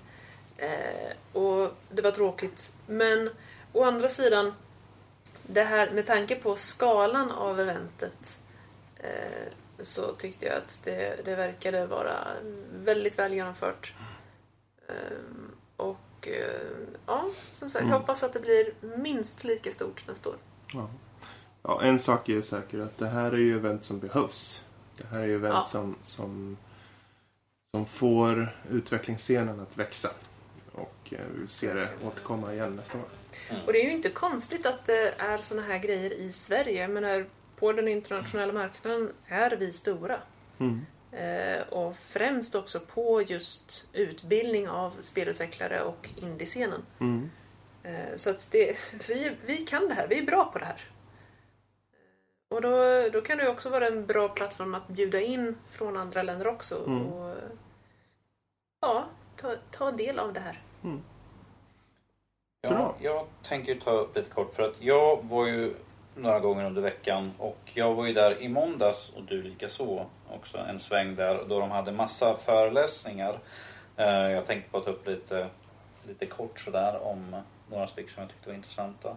Eh, En av dem var varför man ska ha en projektledare helt enkelt. Mm. Eh, Jag har pratat lite mer om det här vid sidan av podden sådär men jag sa att när man lyssnar på någon prata om en spel, spelutvecklare och sånt där då hör man en art designer och sound designer förstår man ganska lätt men en project leader det är liksom så här vad gör den? Så det låter liksom som att du bestämmer allt men så var ju inte fallet riktigt. Att det är ju väldigt mycket det här koordination, välmående i gruppen och liksom se över. Det var ju inte hon som var där och pratade sa att hon, hon är inte den som liksom bestämmer allt egentligen. Det är liksom att samarbeta över gränserna mellan de olika eh, delarna i spelutvecklingen. Att I slutändan så kanske man, ja man får ju ta lite grann en sån beslut men att det är väldigt mycket också att gå och prata med eh, ledningen ifall det är några stora problem och sånt där. Att då måste man liksom ta det beslutet att jag går vidare till det här. Eh, Det var ganska intressant och jag sitter, och fuskar lite grann. Jag lyssnade på när de pratade om... Va? Medalj. Ja, det är klart jag har en liten, jag har en liten fuskis här på schemat för att... Du, jag, I måndags jag var där från klockan 10 till klockan 7 och jag satt på sju eller åtta föreläsningar. Det var 10 minuters rast emellan. Jag kände som jag var i skolan igen. Och du är lite gammal. Jag är lite gammal. Det är allting. 20 år sedan jag gick i Det, det är skolan okej så. Danny, vi förlåter dig. Eh, vi hade, det var en intressant så här, om crowdfunding helt enkelt. Det var en som var där och pratade om hur man, hur man ska göra. Vilket för ett, ett indieföretag eller ett indiespel där helt enkelt vad man ska göra. Eh, det var intressant att höra liksom hur de... Jag vet inte vad Max håller på med. Han sitter och flinar där borta i hörnet och ser lite... Tiden flyger iväg. Okej, det är så jag menar. Det var en Det- fågel Fågel som är utanför, okej. Ja, ifall ni hör fåglar så. Associationer. Ja, ja. Ja. Eh, nej men det var ganska intressant att höra liksom, hur han förklarar liksom, hur, man, hur man skulle gå tillväga. Liksom att ha en pitch klar, eh, filmklipp redo och allt sånt där. Och att man ska ha en sån här mål uppsatta tidigt och sånt där. Mm. Sen var det ju några saker som jag kanske inte höll med riktigt hur, hur han uttalade sig om. Till exempel att, ja, ja men att de här kommer troligtvis komma upp på Youtube på Castle Game Jams senare förhoppningsvis för de spelade in alla de här. Men att han sa någonting så här att ja men ifall ni har liksom klart vad ni ska göra för någonting. Ifall det är någonting ni känner att vi behöver inte implementera i spelet direkt så kan ni lägga det som en, eh, en sån här, eh, vad heter det för någonting? Stretch goal. Stretch goal. Och jag tänkte att nja, det är sånt här som får varför nu folk slutar lägga pengar. Det var ju, det var ju ganska nyligen en rapport om att det har gått ner Mm. ganska mycket med Kickstarter och crowdfunding rent allmänt. Det var sådana saker som jag tänkte att det är sånt man inte ska ta upp på såna här grejer. Utan liksom, hans, en av hans stora grejer som han sa var liksom fake it till you make it. Vilket jag bara, ah, okej, inte riktigt. Jag tänkte bara Alien Colonial Marines på dräkten där liksom att det är lite falsk där. Men att det var jätteintressant i alla fall för att de hade ju, när han började så var det där han körde helt enkelt att de spel han har gjort har ju liksom gått via crowdfunding och sånt där. Och ska vi se här. Som sagt, sagt där, Why you should pitch a VR game. Och det är intressant för att då kan de liksom, de som är intresserade kunde liksom gå dit och så var det en som, en representant från uh, Coffee Stain som var där över Skype helt enkelt. Då kunde man ställa frågor vad de ville ha helt enkelt utav dem. Det tycker jag är rätt kul att då fick de en direktkontakt med en, eh, med en utvecklare så här och jag tror att det var att spelet fick liksom max kosta 300 000. Och ifall de, ifall de kan göra en deal så är det där de har arbetat på scenen. Vilket jag tycker är skitkul att det är liksom här nu i Örebro att de kunde få en, kan pitcha på direkten. Han skulle komma hit idag och eh, liksom träffa dem som ville. Så liksom Mm. de kunde pitcha. De skulle skicka till honom också sådär. Eh, Ja, vem vet? Vi kanske ser någon av våra spel som vi pratade om här nyss. Kanske. Precis. Mm. Och, Om eh, man ja, kan det- implementera det till VR vet jag inte. Ja, det vore väl i och för sig fräsigt att gå runt och svinga svärd och, och Mm. så i VR, men eh, det är... It's not that kind of game. Nej. Nej. Det är ljud, musikspelet, eh, Epic eh, Ja, Party Epic- Game. Man kanske kan peta på... Mm, mm. Eller, eller så står man liksom och gungar med ön. För att Ja. det, det var ju liksom storyn att man skulle gunga i takt med när de kom. Liksom. Ja, ja, vi får se. Mm, ja. Sista jag tänker ta upp här nu är en som heter Achieving Stylized Look in Extreme Conditions. Mm. ett, ett, ett, det är liksom, eh, han sa liksom ifall man kanske inte har någon tid för att göra någon sån här jättespecifik superduper grafik så diskuterar han som till exempel Superhot har en väldigt väldigt speciell grafisk design helt enkelt. Det är liksom kitvitt med på karaktärer och sånt och sen är liksom det eh, röda är liksom fienderna helt enkelt. Mm. Och det var ju väldigt, väldigt ljust och eh, tydligt spel att det liksom sticker ut och eh, han sa att, liksom att det här är ett bra exempel på en sån här, en sån här stiliserat spel och som han sa liksom, vad får det här att tänka på? Och när jag satt, jag, då satt jag så här, Mirror's Edge för att det liksom, den klara färgkontrasten, det är väldigt, Mm. mm. ett väldigt så här ett ljust spel, alltså väldigt tydligt sånt där. Och så tog han upp det på direkt när jag bara Ja, ser då, då stämmer det bra med liksom vad han jämförde med. Men att det Mm. var väldigt intressant. Han tog upp väldigt många spel och ett, han tog upp väldigt mycket, han tog upp två stycken som han har gjort själv. Eh, tre stycken, jag ska se, en, två stycken andra indiespel. Sen tog han upp eh, Borderlands. För att det, det, fick ju, det fick ju en sån här extrem, eh, hur de ändrade om spelet från ett väldigt typiskt eh, skjutarspel. Det ska väl se realistiskt ut. Och sen så var det med att de kom fram till att det här att vi ser ut som precis alla andra. Hur ska vi göra för att sticka ut? Och där kommer in liksom att ifall vi ändrar den visuella stilen så sticker vi ut ganska markant. För att det, det är där, där du ser. Mekaniken kan vara exakt detsamma men att det visuella gör ju Mm. liksom mycket för ett spel. Och då sa han liksom att de gjorde om det liksom och gjorde om till eh, shell shading och hela det. Vilket var rätt intressant. Och han gick igenom en massa sånt där. Jag hoppas att de kommer upp för jag tycker att eh, för att det var skitintressant att lyssna på faktiskt. Eh, Men jag tycker det var en rikt- riktigt intressant dag där och eh, jag kommer väl slänga upp någonting på hemsidan om de här med lite bilder och lite, lite fler tankar om vad jag har. Mm. Jag hoppas att jag ska Mm. kunna slänga upp det snart. Eh, Eh, och du- också, ja, eh, den... Om det är så att folk är intresserade av Unreal så håll verkligen ett öga öppet efter eh, den föreläsningen. För att där, det var visserligen en workshop och tanken var ju att man skulle ha sin egen dator och, och följa med i stegen och, och verkligen göra det här programmet samtidigt då, på tre timmar. Mm. Eh, jag hade det inte eh, för att jag trillade bara in lite grann sådär. Som jag har förmåga att göra ibland. Till, till ren, du blev dittvingad så mer eller mindre. Hoppsan, gå dit. Ja, är lite så. Det, var, det blev lite hastigt och lustigt där.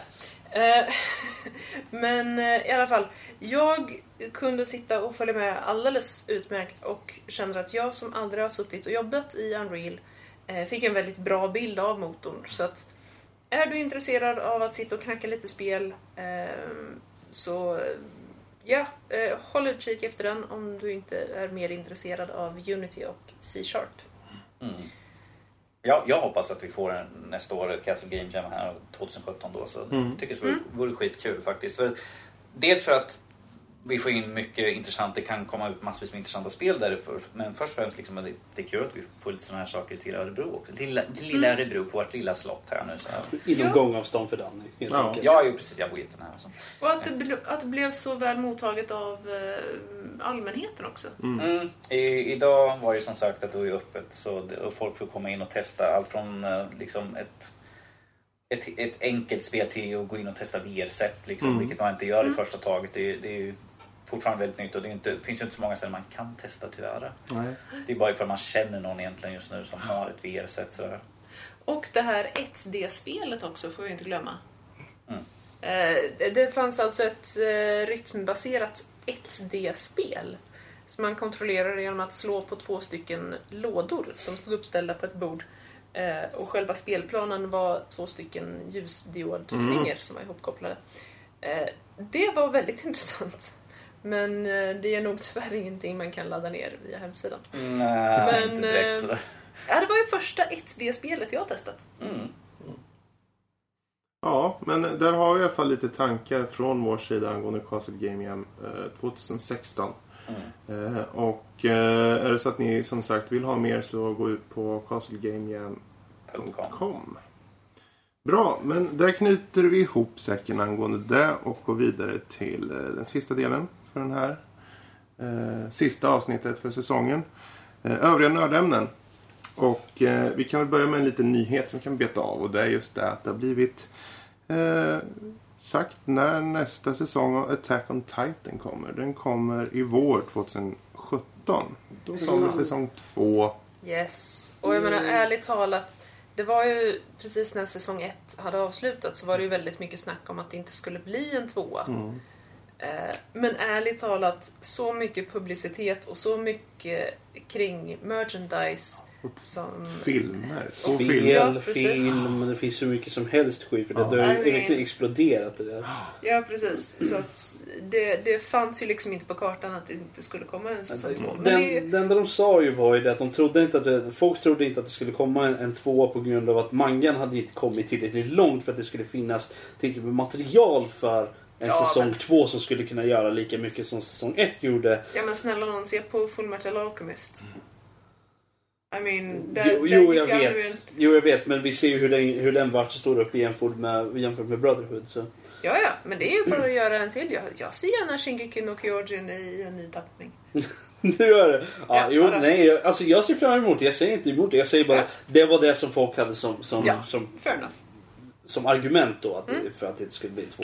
Och jag som hoppas inte skulle komma något mer på den här skiten. Vad tyckte du inte om det för? Äh, jävla gnälliga karaktärer på den här skiten. Ja, men det är ju De anime satt- upp de och Det är satt- ju anime. de- ja, det de är ju satt- så det Det är. var liksom såhär, åh min kompis som blir bultäten och sitter såhär, åh varför kan inte jag vara stark nu? Varför kan jag inte vara? Sitter och gråter liksom. kommer en jätte och plockar upp och bara, åh varför kan jag inte ta mig ur den här saken? Varför kan jag inte göra någonting? Jag bara, men gör något din jävla tok fan. Usch vad sur jag var. Det var liksom, nej. Så är det Danny. Tänk på blodtrycket. Ta det lugnt. Ta det lugnt. Nej, jag hade hoppats För oss andra dödliga så är det ju jättekul i alla fall att det kommer. Vad gör du i så fall? Ehm, Odödlig. Du är odödlig. Ja, ja. Norsken lever. Du är ju någonting högre än oss. Ja, ja. Eller lägre. Gnällspiken. Men, eh, det, med det sagt så går vi vidare till nästa sak som är Silicon Valley som Kalle har kollat igenom. Hela serien. Hela två säsonger. Hela två säsonger. En gångs skull, jag vet inte vad det var som gjorde det. Det var nog... Du var sjuk, det var därför du hade Det, tid. det, jag, få, låt mig berätta en historia. Det var så här. Nej, alltså, alltså, så här, jag, jag brukar inte kolla på serier, jag är jättedålig på att göra det. Den enda serien jag har lyckats ta mig igenom det är Game of Thrones, men det är för att jag, det, den har fastnat för ordentligt. Men just den här serien, Silicon Valley. Det var så att jag delade med mig av mitt HBO-konto till en kompis. Då såg jag att någon hade tittat på Silicon Valley. Vad fan, det måste ju vara han. Så frågade jag honom. Så kom jag, åkte jag hem till honom för ett tag sedan då. Skulle låna hans pappas bil. Och då pratade jag med honom. Småpratade lite med hans pappa. Han bara Men du, varför har du inte tittat på Silicon Valley? Det skulle ju passa dig skitbra ju. Så blev jag så bara Nej, jag har inte tänkt på det så mycket. Jag är så dålig på att kolla. Bla bla bla. Så bara, jaha okej. Nu måste jag ju kolla på den här serien även annars kommer han bli superarg nästa gång jag ser den. Liksom. Och din polares pappa har sett den liksom. Ja. Så Ja, på min kompis pappas rekommendation så kollade jag igenom hela serien. Ehm, och vad handlar då Silicon Valley om? Jo, vi följer vår trevliga huvudkaraktär Richard Hendricks i Silicon Valley i Kalifornien. Han har kommit fram med en eh, avancerad kompressionsalgoritm som då är lite revolutionerande. Det här, han ska ju då eh, dels få, få funding och få starta sitt företag och liksom kunna hoppa sig igenom det här eh, amerikanska lagsystemet. För det, den här serien handlar ju mest om alla jävla eh, hinder man måste klättra över för att kunna starta företag och, och det är stämningar till fram och tillbaka och det är hit och dit. Men det är ju en komedi först och främst. Och tyvärr så kommer komedin mest från hur jävla socialt inkompe- inkompetenta alla, alla nördar i serien är. Ja. Och det är inte min typ av humor. Det är det inte. Utan det är så här, Är det så här awkward då? eller? Ja, precis. Det är, Det är så här, åh, Vänta, är det, är det awkward som IT-crowd awkward eller är det bara obehagligt? Det är bara obehagligt liksom. Så här. Just det. IT Crowd var ju på en, eh, det var ju liksom en okej nivå här liksom. Alltså, aha, han, eh, han, han vet inte liksom hur han ska bete sig i, i, i vanliga livet. Och man bara, Mm. det är inte så vi är på riktigt liksom. Inte alla av oss i alla fall. Nej. Nej. Nej. Så att, men den är lite spännande ändå för man ser det går lite upp och ner. Och varje gång man tror att åh nu lyckas de, nu har de fått pengar, nu har de fått funding och sen så bara vänds det om nästa avsnitt och nu är någon på väg ner igen ska störta och sådär. Och det är ju det är liksom baserat på på tekniken vi har. De, man sitter, de sitter och spelar i och för sig ganska lite äldre spel nu. De sitter och spelar Black Ops 2 och ser Mm. Sovan och sånt där. De sitter och spelar där. Och det är, de har, håller på med Oculus. De hade en Oculus-development Kit 2 i något avsnitt. Och så lekte runt med. Så att det, för, det, det är för oss nördar så det är lite roligt för det är massa relaterat. Och det, det är ju faktiskt, det jag måste ge, hylla lite för är ju hur, hur relevant det tekniska biten är faktiskt. Det är inte jättestor fokus på den biten. Alltså det är inte, de går ju inte och grottar inte ner sig i koden eller sånt där. Utan det är snarare att den här saken som de jobbar på, den här kompressionsalgoritmen, det är ju en sak som på riktigt skulle hjälpa. Liksom. Som Mm. en, en, en rolig, en riktig idé som, eller en riktig produkt som skulle vara bra. Liksom. Det skulle funka på verkligheten och det gillar jag. Att de har lagt så, att serieskaparna har lagt ändå en viss vikt på att det ska bli, vara realistiskt. Då, så att Mm. säga. Från, den, från den tekniska Mm. perspektivet. Så att eh, visst, eh, Silicon Valley finns att se på HBO Nordic. Eh, så att det, det är ganska lätt att få tag på den. Mm. De flesta av er har nog redan HBO, HBO Nordic med tanke på Game of Thrones. Så det är bara att gå in och se. Annars så kan man ju, om man inte har HBO Nordic så har de ju gratis månad. Så det är Mm. bara att gå in och se på det sättet. Annars, annars så vill man så kan man väl köpa den på skiva. Ja. Det finns säkert att köpa.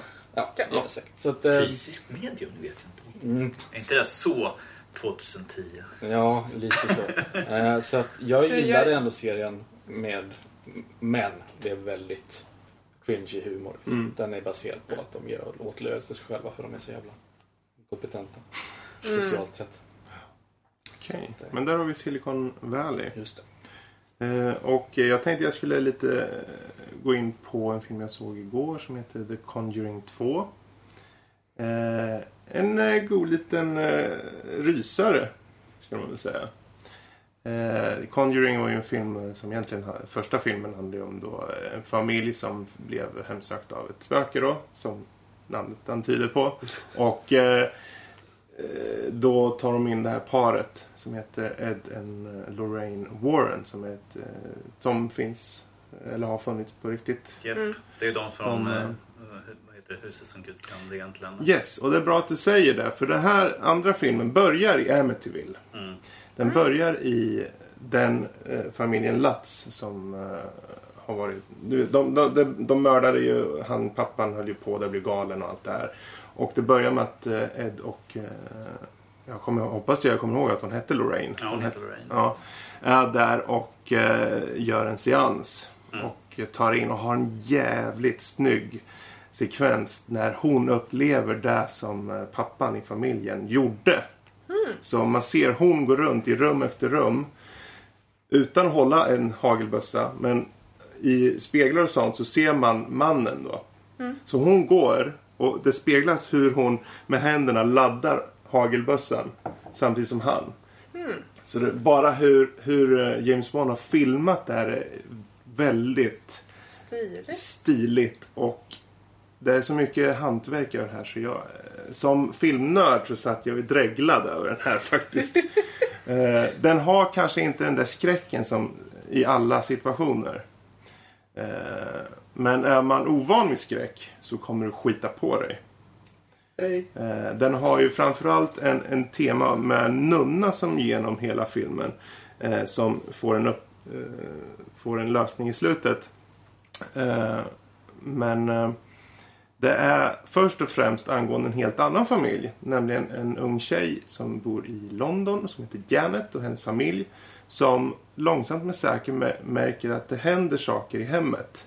Som inte riktigt känns rätt. Det låter konstigt. Det bankar i väggarna och eh, saker börjar röra på sig. Eh, och eh, ja, till början så tror de bara att det, det här är bara kanske tjejerna som håller på. Det, småbarnen vet att de kan ju vara lite så här. Men när eh, polisen kommer dit och en stol far framför ögonen på dem så säger polisen själv ja men det här är nog ingenting ni kan kontakta oss om utan eh, ni får prata med kyrkan. Eh, Tack och hej, ring någon annan. Ungefär. Och kyrkan i sin tur, de vill inte riktigt ta i det här. För om det är en hoax så ger det dålig eh, dager till dem. Mm. Så de istället tar ju kontakt med Ed och Lorraine i staterna. Och de åker dit och ska ta reda på om det här verkligen är på riktigt eller inte. Eh, den unga flickan, som, eh, jag, vet- jag vet inte vad hon heter i verkligheten men hon är ju riktigt bra skådis måste måste jag säga. Hon, hon blir ju på sätt och vis besatt av den här anden som kommer och tar över. Eh, och är väldigt effektfull i hur pass bra hon agerar. Mm. Men det roliga med den här filmen är ju att det är inte bara en skräckfilm. Det är relationsdrama också. Oj. Det har, den tar tid med att sätta relationen mellan Ed och Lorraine. Så pass att du faktiskt får eh, affection för dem. Att du känner för vad de går igenom. För hon, och det kan jag säga, hon har en vision precis i början på filmen. Där att han kommer dö. Och hon känner att tecknen leder till dem. De åker någonstans. De vill sluta med att göra de här. Eh, det vill säga att åka runt och hjälpa med hauntings och liknande. Eh, men då kom ju det här caset upp i England. The Enfield eh, Haunting som också har hänt på riktigt. Eh, på sätt och vis. Eh, man får googla det och kolla upp och säga vad man tycker och tror själv. Eh, men just hur de skildrar de här två karaktärerna och hur lilla flickan och hennes mamma skildras är riktigt, riktigt bra. Vi kanske inte har skräcken fullt ut i alla scener, men den är snyggt gjord. Och är man filmstudent så kommer man vilja se den här om och om igen för hur han har löst varje scen. Och effekter till... Får jag, får jag spoila en sak? Det- Du får fråga Ja. någon publik först. Ja, Spoilervarning, spoilervarningen nu för, för, för eh, spoiler och spoiler. Det är bara hur de gör en scen. För det, de, de barnen tittar på, det finns som en, det utspelar sig 75. Eh, de har satt hela settingen för 70-talet superbt måste jag säga. Det känns 70.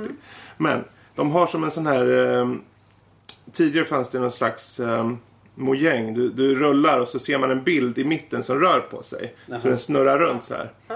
Och då samtidigt så spelas det en låt som kallas The Crooked Man. Du, du, du, du, du, du, du, du, The Crooked Man. Och så sjunger barnen med i låten och så ser man en, en långbent farbror som går så här i, i bilden i den här då. Eh, och eh, självklart så är det ju så att det som händer i huset är ju mm, på sätt och vis manifestationer av vad lilla flickan känner och tänker och så. Så självklart finns det ju en scen där eh, eh pojken i familjen eh, hör hunden skälla vid dörren. Så pojken går iväg till dörren och de andra säger nej gå inte, gå inte för det har hänt massor med saker som är oförklarliga.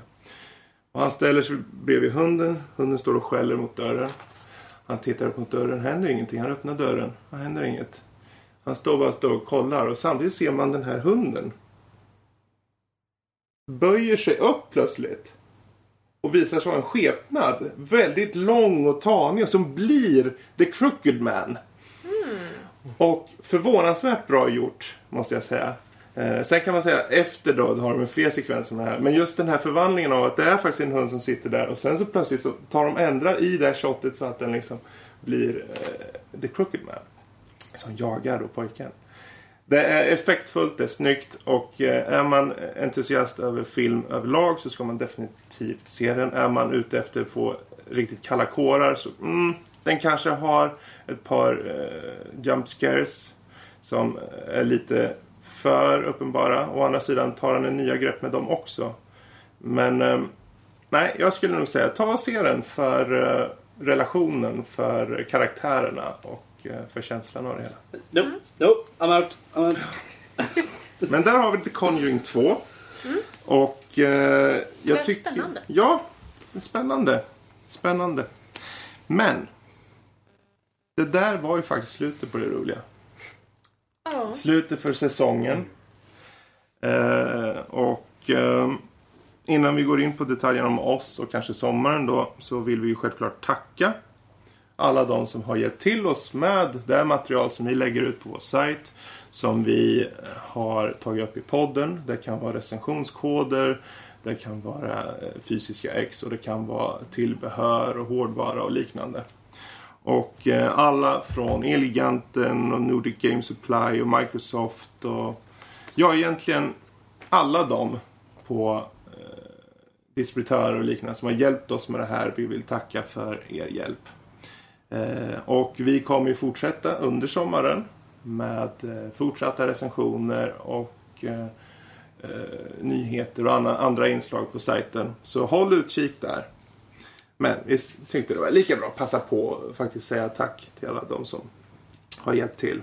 Nu var det där ett fåtal av dem, men ni alla där ute, om det så är på Kingston, Logitech, Blizzard eller EA, Koch Media, MI5 Communications eller PR Nordic eller Sony, Ubisoft och Kingwin. Ja, En- med mera, med mera. En, en, en glad salig blandning helt Yes. enkelt. Stort tack från Nördliv. Enkelt. Stort tack. Man tackar. Och vad gäller just under sommaren, det här är säsongsavslutningen. Det finns ingen som säger att det inte kommer något specialavsnitt under sommaren. Det kan ju hända. Eh, men det lämnar vi osagt. Blir det så blir det. Ni får hålla utkik. Sajten kommer fortsätta att tuffa på med recensioner som sagt. Men vi kommer ta en liten behövlig paus. Så Max kan dricka mer Pepsi Max. Och Lotta kan äta korv. Nom, nom, nom, nom, nom. Men är det så att ni faktiskt vill ha mer av oss så är det ju självklart bara att hoppa ut på vår hemsida nordlivpodcast.se alternativt nördliv.se och läsa alla de här recensionerna, krönikorna eller den här klichébilderna på Rob eller på Danny eller eh, ja, fan Kalle kanske på den här mexikanska hatten som de brukar ha som Breron tycker han om att ha. Så ta en titt där vet jag. Eh, och likaså vad gäller just iTunes eller den podcast-app ni har. Gå in där, lämna ett litet betyg och en liten uh, kommentar så hjälper det oss att synas bättre. Eh, och är det faktiskt så att ni självklart vill nå någon av oss under sommaren så ta och mejla till oss. info.nordlivpodcast.se eller vårt förnamn nordlivpodcast.se. Intressant att se ifall de faktiskt kommer skicka in till vårt namn. At, Ja, jo. Det kan de göra om de vill. de göra. Vi Det kommer till infon då tror jag. Precis, det kommer till oss. Vi- Det gör det? Ja. Yes, Skulle det vara intressant att sätta upp en som bara var vårt namn? bara för att se. Ja, nej. Ja. Men eh, vi får tacka för den här säsongen. Det ska bli kul att komma igång igen till hösten med en ny säsong. Men för den här gången säger vi tack och på återseende. Tack allihopa. Ha bra och trevlig sommar.